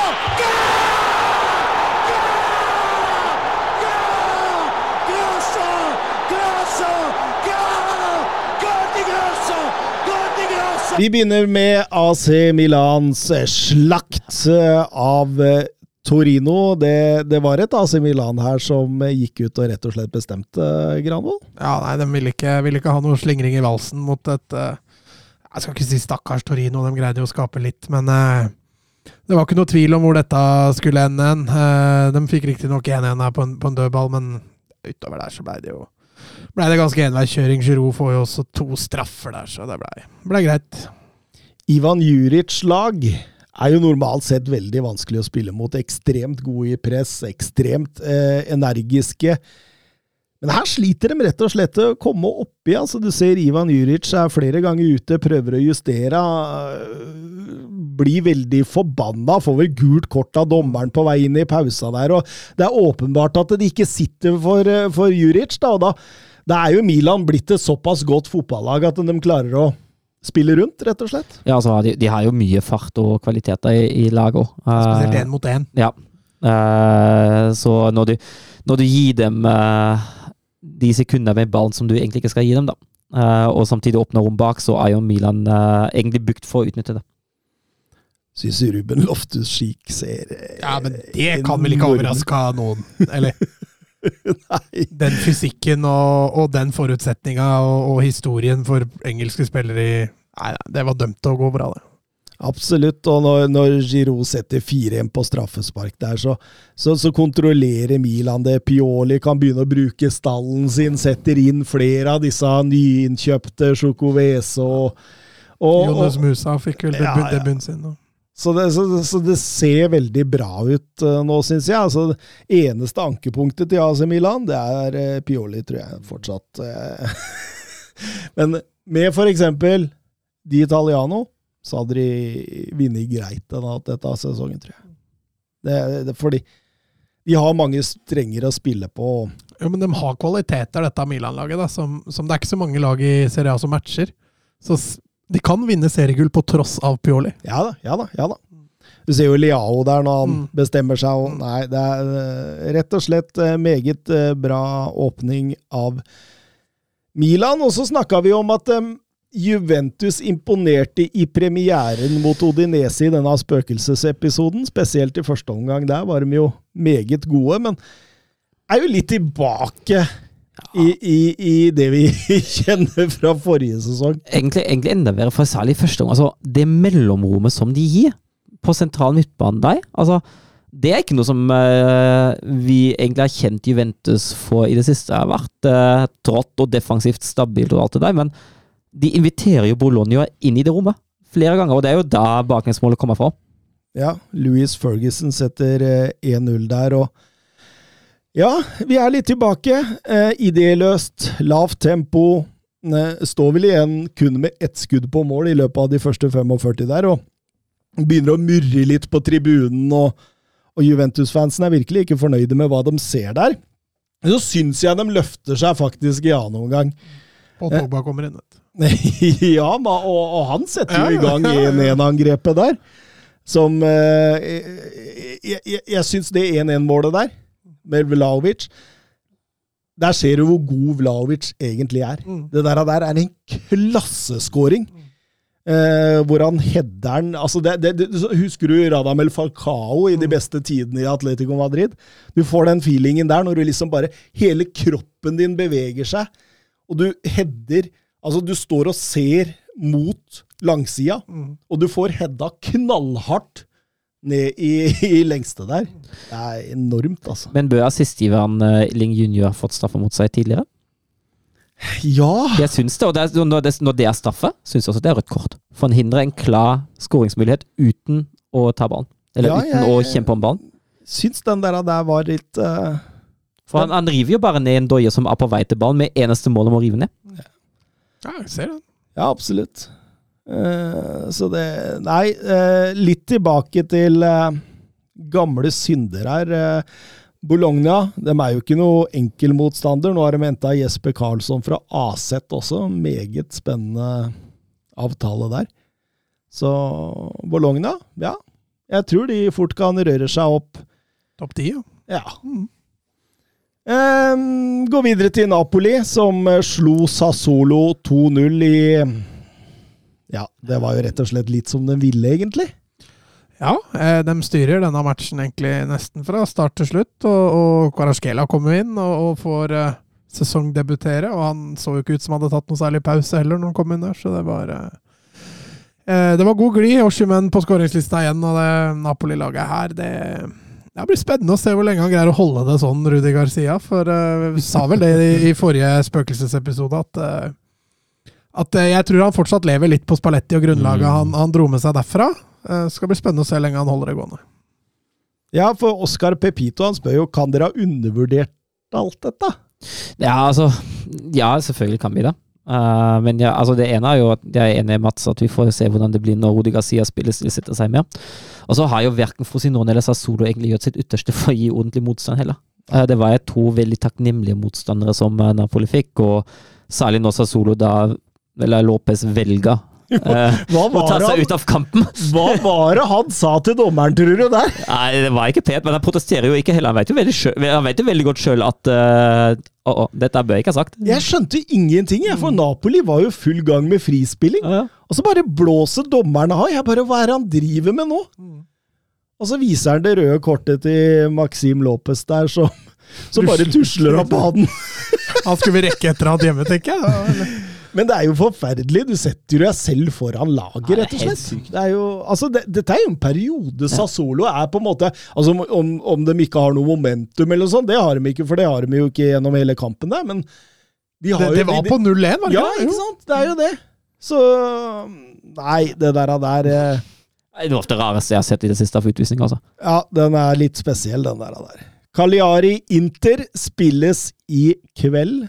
Eh, Frosinone slo overraskende Atalanta 2-1, mens Hellas Verona slår Roma 2-1 i Ja, du kan vel si det sånn at det var litt ufortjent. Inntil leder 2-0, da. Ja, altså, Tolv minutter før slutt.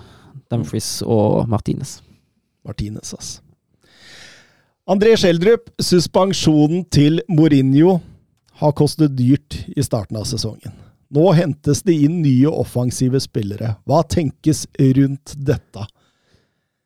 Eh, Det er, jo litt morsomt hvordan han fikk den suspensjonen, da. Hvor han altså trer på seg en mikrofon sjøl for å kunne beskytte seg sjøl mot dommera. Og så klarer han jo i denne mikrofonen å så si at han er den verste dommeren han har hatt gjennom hele karriera. altså, det, Blir det med. Mourinho enn der? Det er så humor, ass! Snakk om å han er jo fantastisk! Så han har sittet godt oppe på tribunen, da, og sett eh, 2-2 mot Salernitana og tap mot Hellas Verona her. I, ja, de fortjener ikke å tape eller stå igjen med ett poeng her, men nå er Asmon klar for, fra Leverkosen, og det jobbes med Lukaku. Er, er dette Lukaku i Roma? Det må jo bli en suksess, det? Ja, selvfølgelig er det en suksess. Eh, nei, altså De har jo slitt med å, å bikre sin vei, Roma, uten at nødvendigvis at de har skuffa så fælt. Eh, eh, men, men du ser det mangler litt den der nieren, spesielt den kampen her. Nå har Belotti for så vidt gjort det greit, sånn antall skåringer, men nei, altså, Lukaku tror jeg blir suksess hvis de klarer å få han i fysisk eh, form. De er fortsatt ikke topp fire. Lazio på et nytt Ja, der er det blitt litt tynt. Retegui med matchvinner der for Genoa. Ja, nei, um, vi sæla videre, vi. Uh, league. Uh. sur la frappe de Messi de, De de Mercado, Mercado, oui. Mercado, et, et là aussi on a un petit peu de réussite. Griezmann sur l'appui, c'était bien joué avec Giroud. Oh, Sylvain Oh, Sylvain, il l'a vu. Oui. Kylian Mbappé. Kylian Mbappé, il l'a vu. Ça fait 4 Et ça fait peut-être un quart de finale pour l'équipe de France. 68e minute Oh, la joie collective parce qu'ils ont tous jailli du banc pour aller saluer cette passe décisive géniale de Giroud et ce doublé pour Kylian Mbappé Ja, og eh, vi begynner jo selvfølgelig eh, med hanen i gullegget, eh, PSG. Hadde besøk av Lance, og det var jo egentlig nummer én mot nummer to sist sesong. Mm. med 0-0 mot Loria, 1-1 mot Toulouse. Vanskelig start på sesongen for PSG. Eh, nå skulle de få besøk av et land som også hadde slitt innledningsvis, men denne gangen med Mbappe og Dembélé fra start. Ja, og det hjalp jo. Eh, Jeg syns man ser i en del situasjoner at samspillet mellom de to det så bra ut. Eh, Det er, det er mer fart. Eh, Det er med trussel. eh, Det er med én-mot-én-ferdigheter i det laget umiddelbart. Eh, Og ja, det, det hjelper på det offensive å ha de to klar fra start. 83% av ballen har de de første kvarter, Mats. Mm.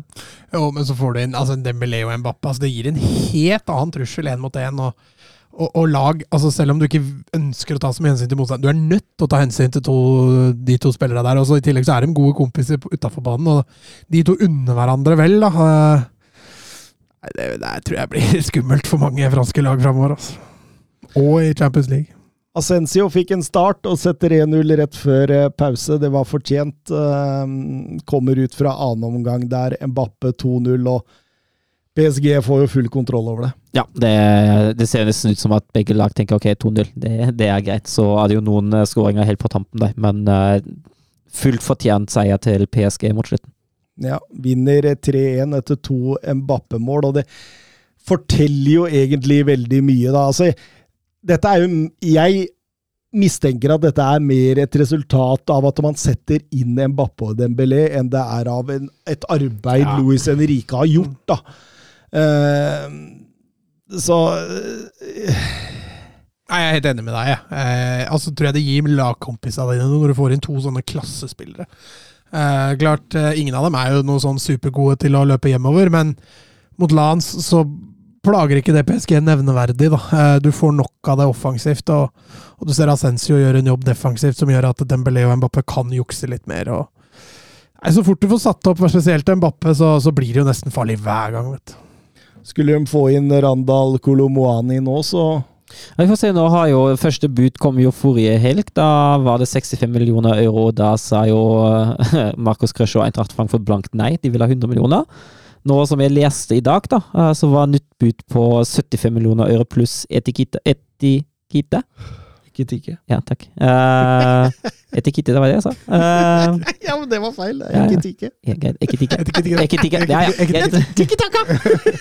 Jeg er blitt sein. Men uh, ja, jeg, jeg tipper jo jeg, jeg, Det er jo et bedre tilbud, men uh, vi får se. Eh, det blir jo sjelden noe av når man byr penger pluss en spiller for en spiller. Det har vi jo veldig lite av, av overganger i, i Europa, så vi får se. Den, eh, den sagaen eh, stenges nok ikke før enten Frankfurt sier at nå er det nok, eh, eller overgangsvinduet stenger eller han har signert. Han sjøl, altså Kolomorani, skal jo være enig med PSG om en overgang allerede. Og Eli Wahi, som skal være Kolomoanis eh, erstatter Ja. i Frankfurt, han har jo gått til Ja, motstanderen til ja. i denne kampen, Lance. Ja, og det, det er et problem for Frankfurt i så fall. For Eli Wahi hadde vært en veldig god erstatter, men nå nærmer overgangsvinduet seg slutten, og det hjelper ikke å få 100 millioner for en spiller når du ikke finner en annen spiller som klubben er villig til å selge for erstatten. Absolutt ikke. Eh, Nant Monaco 3-3. Monaco lå under både 2-0 og 3-1, men kjemper seg tilbake. Boadou skårer rett før slutt. Eh, Minamino har vært helt fantastisk denne sesongen. Har plutselig fått tre mål og to assist på de tre- første, og, og drar Monaco videre her. Eh, Marseille vinner 2-0 enkelt og greit mot eh, Brest. Eh, Marcelino med en god start i, i Marseille, og, og Rennes Le Havre 2-2. Eh, det skal jo ikke være mulig, men Rennes gir fra seg 2-0-ledelsen her og har Jeg tror XG var 3,36 mot 0,48, ja, så det Her har det skjedd ting. Le Havre skårer vel også etter at den blir en mann mindre, så Ja. Bjørn Erik Skorge vil ha en Will Still-oppdatering, og, og eh, Stadrem eh, vinner jo 1-3 borte mot Montepiller og Acre Adams. Adams for første gang uten scoring i år. Ja. Og, og eh, de tapte premieren mot Marseille borte. Knepent. Kunne like godt ha vunnet. Så har de to strake seire. Først mot Clermont Foot, og nå da mot Montepiller. Og det er sterkt! De mista sentrale spillere, Balogun, Kajust. Eh, men viktigst av alt i sommer, de har fått betalt for Eketike-salget. Så de har jo handla litt. De har jo handla for nesten 50 millioner euro, stort sett henta fra Belgia og Nederland. Det er marked Will Still kjenner godt til.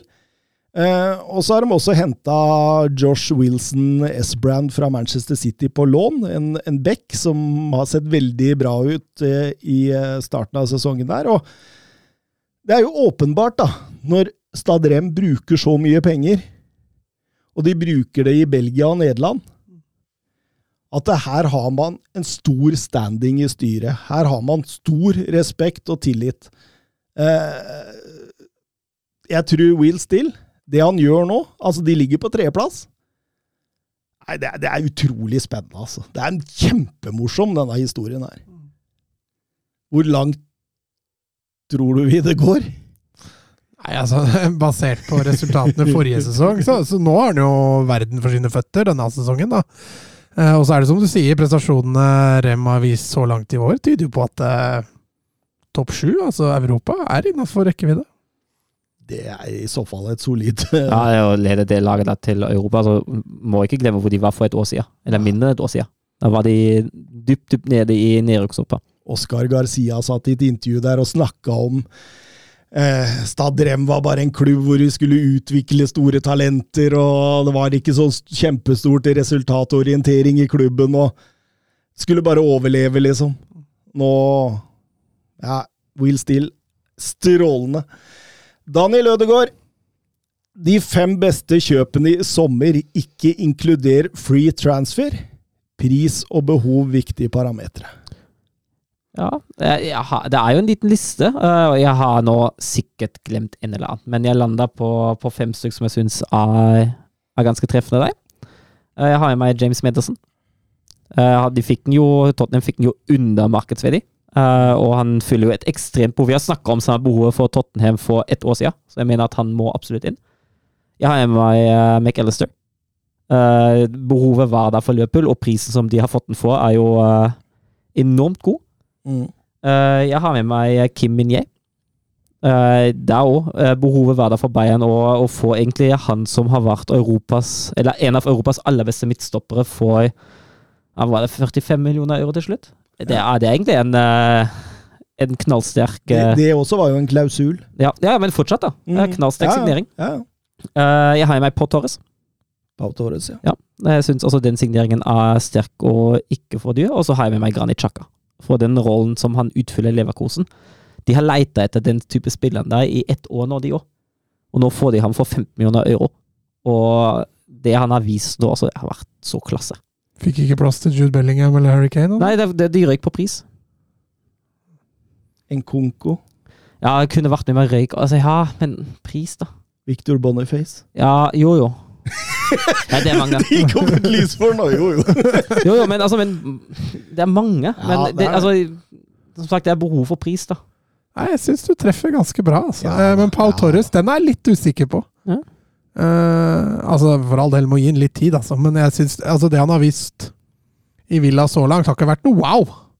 Og så Nå skal han riktignok erstatte Tyron Minks, da, så det er ikke bare bare det. Men, uh, men uh, vi får se litt med tid og stunder der, for han, han ble jo ikke så billig, han heller, til å være stopper. Nei, men Bellingham altså Bellingham av kombinasjon pris og kanskje også behov, da. Eh, og så er det Kane hadde det jo utelukkende pris, for det behovet er jo der, selvfølgelig. Men Jeg har en longshot, da. ja. Georgie Petrovic Ja, til Chelsea for Ja. 16. den kan, den kan fort være det, ja. Ja, jeg, jeg tror Det går ikke mange ukene, så står han. Han er bedre enn Sanchez. Mm. Rekkevidda der. Altså, han, det, det, er jo litt Courtois over den, liksom. Mm. Jeg mener fort at det der kan være noe man ser tilbake til om et års tid, og så Ha, der traff dem! Ja. Men ja, jeg De syns det kjøper jo- bra. de bra. Jeg ville hatt eh, Boniface inn der. De Ja. kjøper jo alt, da, så det må jo treffe på et eller annet til slutt. Kan gjerne ta en Boniface for Potteres? Jeg, jeg mener jo at vi bør ha en Bellingham òg, ja, da. Altså, vi snakker her om akkurat nå verdens beste midtbanespiller. Ja, men samtidig Altså, ja, jeg er jo enig, men da med behov, da. Altså, jeg mener jo at Real Madrid had, bør ha droppa Og det, det er kanskje kontroversielt, men jeg mener at de bør ha droppa Bellingham for å heller styrke troppen på flere posisjoner. Og det er spesielt kontroversielt fordi Bellingham har avgjort alle tre kamper for Real Madrid så langt denne sesongen. her. Og med det på den klassen han har. Men jeg mener at de penger som de har brukt på Bellingham, ser vi i troppen ellers, hvor tynn den er. Mm. Og det kan koste dem dyrt. Men så får de med Mbappé neste år. Det gjør de, men det er neste år. Mikke van de Ven, da? Ja, han kan fort være det òg, men da, da er det pris, da. Nei, men den er grei, den. Jeg syns ikke Vi er, vi er bare djevelens advokater. Eh, Tønna, hvilke spillere er det som kommer inn de siste dagen, eh, av, dagene av overgangsmarkedet? Er det noe spennende?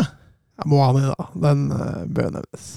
Ja, eh, spennende å se hva City gjør, om de får i land Matheus Núñez. Ja, Pavar kan jo fort eh, gå til Inter. Brennan Johnson til Tottenham. Eh, Scott McTominay til Bayern München. Når jeg sa det nå, så hørtes det ikke troverdig ut! Ja, men Det er jo et rykte som faktisk Christian Falk har skrevet om, så det er jo noe i det. Ja. Cancelo til Barca. Jesper Lindstrøm til Napoli. Eh, Carlos eh, Baleba til eh, Brighton. Gendosi til Lazio. Nei, det skjer mye. Det er bare å følge med. En liten, liten uh, europahjørne før vi runder av. Bra jobba, gutta! Bra ball! Ah, grei offside. Tor Håkon, den er grei. Tor Håkon! Nei, Tor Håkon, det var din egen skyld. Ikke bli sint for det, i hvert fall. da. Tor Håkon, ikke kjeft på dommeren. Og ikke kjeft på dommeren. Tor Håkon, nå hører du på dommeren. Det er hver gang, altså. Hver gang. Norske proffer, Mats. Ja, det har vært litt mindre spilletid eh, i, i det ganske utland, og vi har jo allerede snakka om Sørloth og, og Strand Larsen, annet i, i La Liga, men eh, det var et ganske så norskt oppgjør i Nederland i helga, der uh, Heerenveen møtte Sparta Rotterdam. eh. For Heerenveen var Sarawi eh, som vanlig strålende. Eh, lagets klart beste spiller. Serverte assist eh, i det som blei en eh, grei Sparta Rotterdam-seier. Tobias Lauritzen på skåringslista for Sparta Rotterdam, og, og Joshua Kitolano spilte en eh, god match sentralt på midten der for Rotterdam. I tillegg så kom jo også Karlsbakk inn på slutten der. Eh, rakk jeg aldri å å sette sitt preg på den matchen, men mange norske bidrag i, i den kampen her. Sarawi og på assist, og Lauritzen som målskårer, og Kitolano med god kamp. Så, så god reklame for, eh, for norsk eh, fotball der. Ellers så, så tenkte jeg jeg skulle snakke bare kjapt om, om Jesper Daland. Eh, vi har jo nevnt han litt i den podkasten her før også. Spiller fast i Serkel Brygge, har jo vært på prøvespill i Monaco. Det som også ødelegger litt for han, syns det er litt rart at han ikke har vært kalt opp på landslaget tidligere. Men han spiller jo en Trebekslinje, og han har vært veldig avgjørende og viktig for U21-landslaget. Tipper at han blir høyaktuell for landslaget framover, men, men at han spiller for en Trebekslinje, daler nok litt. Men, men igjen, eh, Serkel Brygge vant, vant 2-0 i helga borte mot St. Ruden, og, og Daland igjen, men, men god kamp. Eh, han er ikke så ung som man egentlig skulle tro, men, og det, det hindrer nok litt. Men han, vel, han nærmer seg vel 24, tror jeg. Han er vel 23. Ja. Men, men eh, han har fått en høy standing i, i Serkel Brygge, og, og, og kan også være en spiller som kan være interessant for, for andre lag, med, spesielt med Trebekslinje eh, framover. Og også en artig spiller å, å følge framover. Åssen gikk det med Nosa og Nei, den kampen ble jo utsatt, Ja. så, så Klubb Brygge spilte ikke i, i helga. Ajax, Søren? Spilte ikke heller i helga, så jeg har ingenting å melde. Ah! Eh, Benfica spilte, da. Eh, de slo Gil Vicente 2-3 på bortebane i en litt sånn Altså, nå varierer de veldig prestasjonene, både fra kamp til kamp og innad i kampen der. Fra det fantastiske til det mer begrepelige. Altså, vi, de hadde en svak premiere mot Boavista, taper der. En dårlig hjemmekamp mot Estrela, som de, de vinner. Det er jo et nyopprykka lag, og, og hjemme på, på uh, Delos, så, så, så, så, så vinner de jo. Uh, ganske greit, men, men, men heller ikke veldig bra der. Uh, og man ser det litt av det samme igjen her nå. altså da, Cabral fungerer ikke helt. Roger Schmidt hiver innpå både Tengstedt og Mosa utover i kampen. Tengstedt ut venstre og Mosa, Mosa på topp. Eh, har for så vidt god kontroll, men det, det, er så langt unna det nivået man husker fra de beste Champions League-kampene. og sånt. Altså det, det, er åpenbart et lag som ikke har eh, kommet helt i gang, men tar tre poeng, har seks av ni mulige og, og har lagt seg sånn rett bak eh, Vitoria, som, som leder, eh, leder eh, tabellen, så Det er litt haltende tabell, Mm. eh, så det er litt sånn vanskelig å, å gå inn der, men det må skjerpe seg. Med seks poeng eh, etter tre kamper på en dårlig start, det kan vel ikke være for ille, det? Nei, det er vel nesten Manchester United, er det ikke det? Jo, det er vel på en prikk. Ja, det er på en United. prikk Manchester United. Eh, Klas Grønlin, hvilken klubb eh, bør Schjelderup gå til for utvikling nå? Ryktes det Aset? Det har vært en fin klubb, det. Mm, solgt i Jesper Karlsson nå, så behøver en erstatter inn der. Snakk om lån pluss opsjon, så jeg tror rett og slett det vil være en match i Made in Heaven. Ja, så jeg lanserte vel det også på Twitter. Ja, altså Nederland Nederland er jo et glimrende valg. Hvis han klarer å finne seg en sånn klubb rett under Ajax-nivå der, så tror jeg det er helt glimrende. Altså Aset, Feyenoord, kanskje til og med PSV kunne vært en Xavi Simmons-erstatter òg, eh, sånn sett. Det er jo litt Det er ikke betryggende at eh, Benfica ønsker å, å, å liksom selge den. Nei, det er det ikke. Det tyder jo på at utviklingen ikke har vært som ønsket. Det var litt sånn derre Litt sånn bekymringsfullt at han fikk så lite spilletid i starten, egentlig. Selv om man, man, man uttalte jo hele veien altså Schmidt sa jo det at dette var eh, signeringer for neste år, at de skulle tilvennes. Og så har sesongen knapt nok begynt, og så skal man selge den. Uh, bytta vel agent som la litt press på klubben, og så Ja. fikk svaret at uh, Ja. Mm. Så det Tips, da. Ikke bytt agent. Nei, altså, det jo, det kommer i tillegg altså, å bli solgt nå, da, og ikke gå inn i oppkjøring med det nye laget, da. Det er jo en ulempe. Ja, ja. Tengstedt har jo fått spilletid nå. Mm. Nei, eh, gutta. Vi sier det var det, vi. Ja, det Snakkes! Auf Wiedersehen!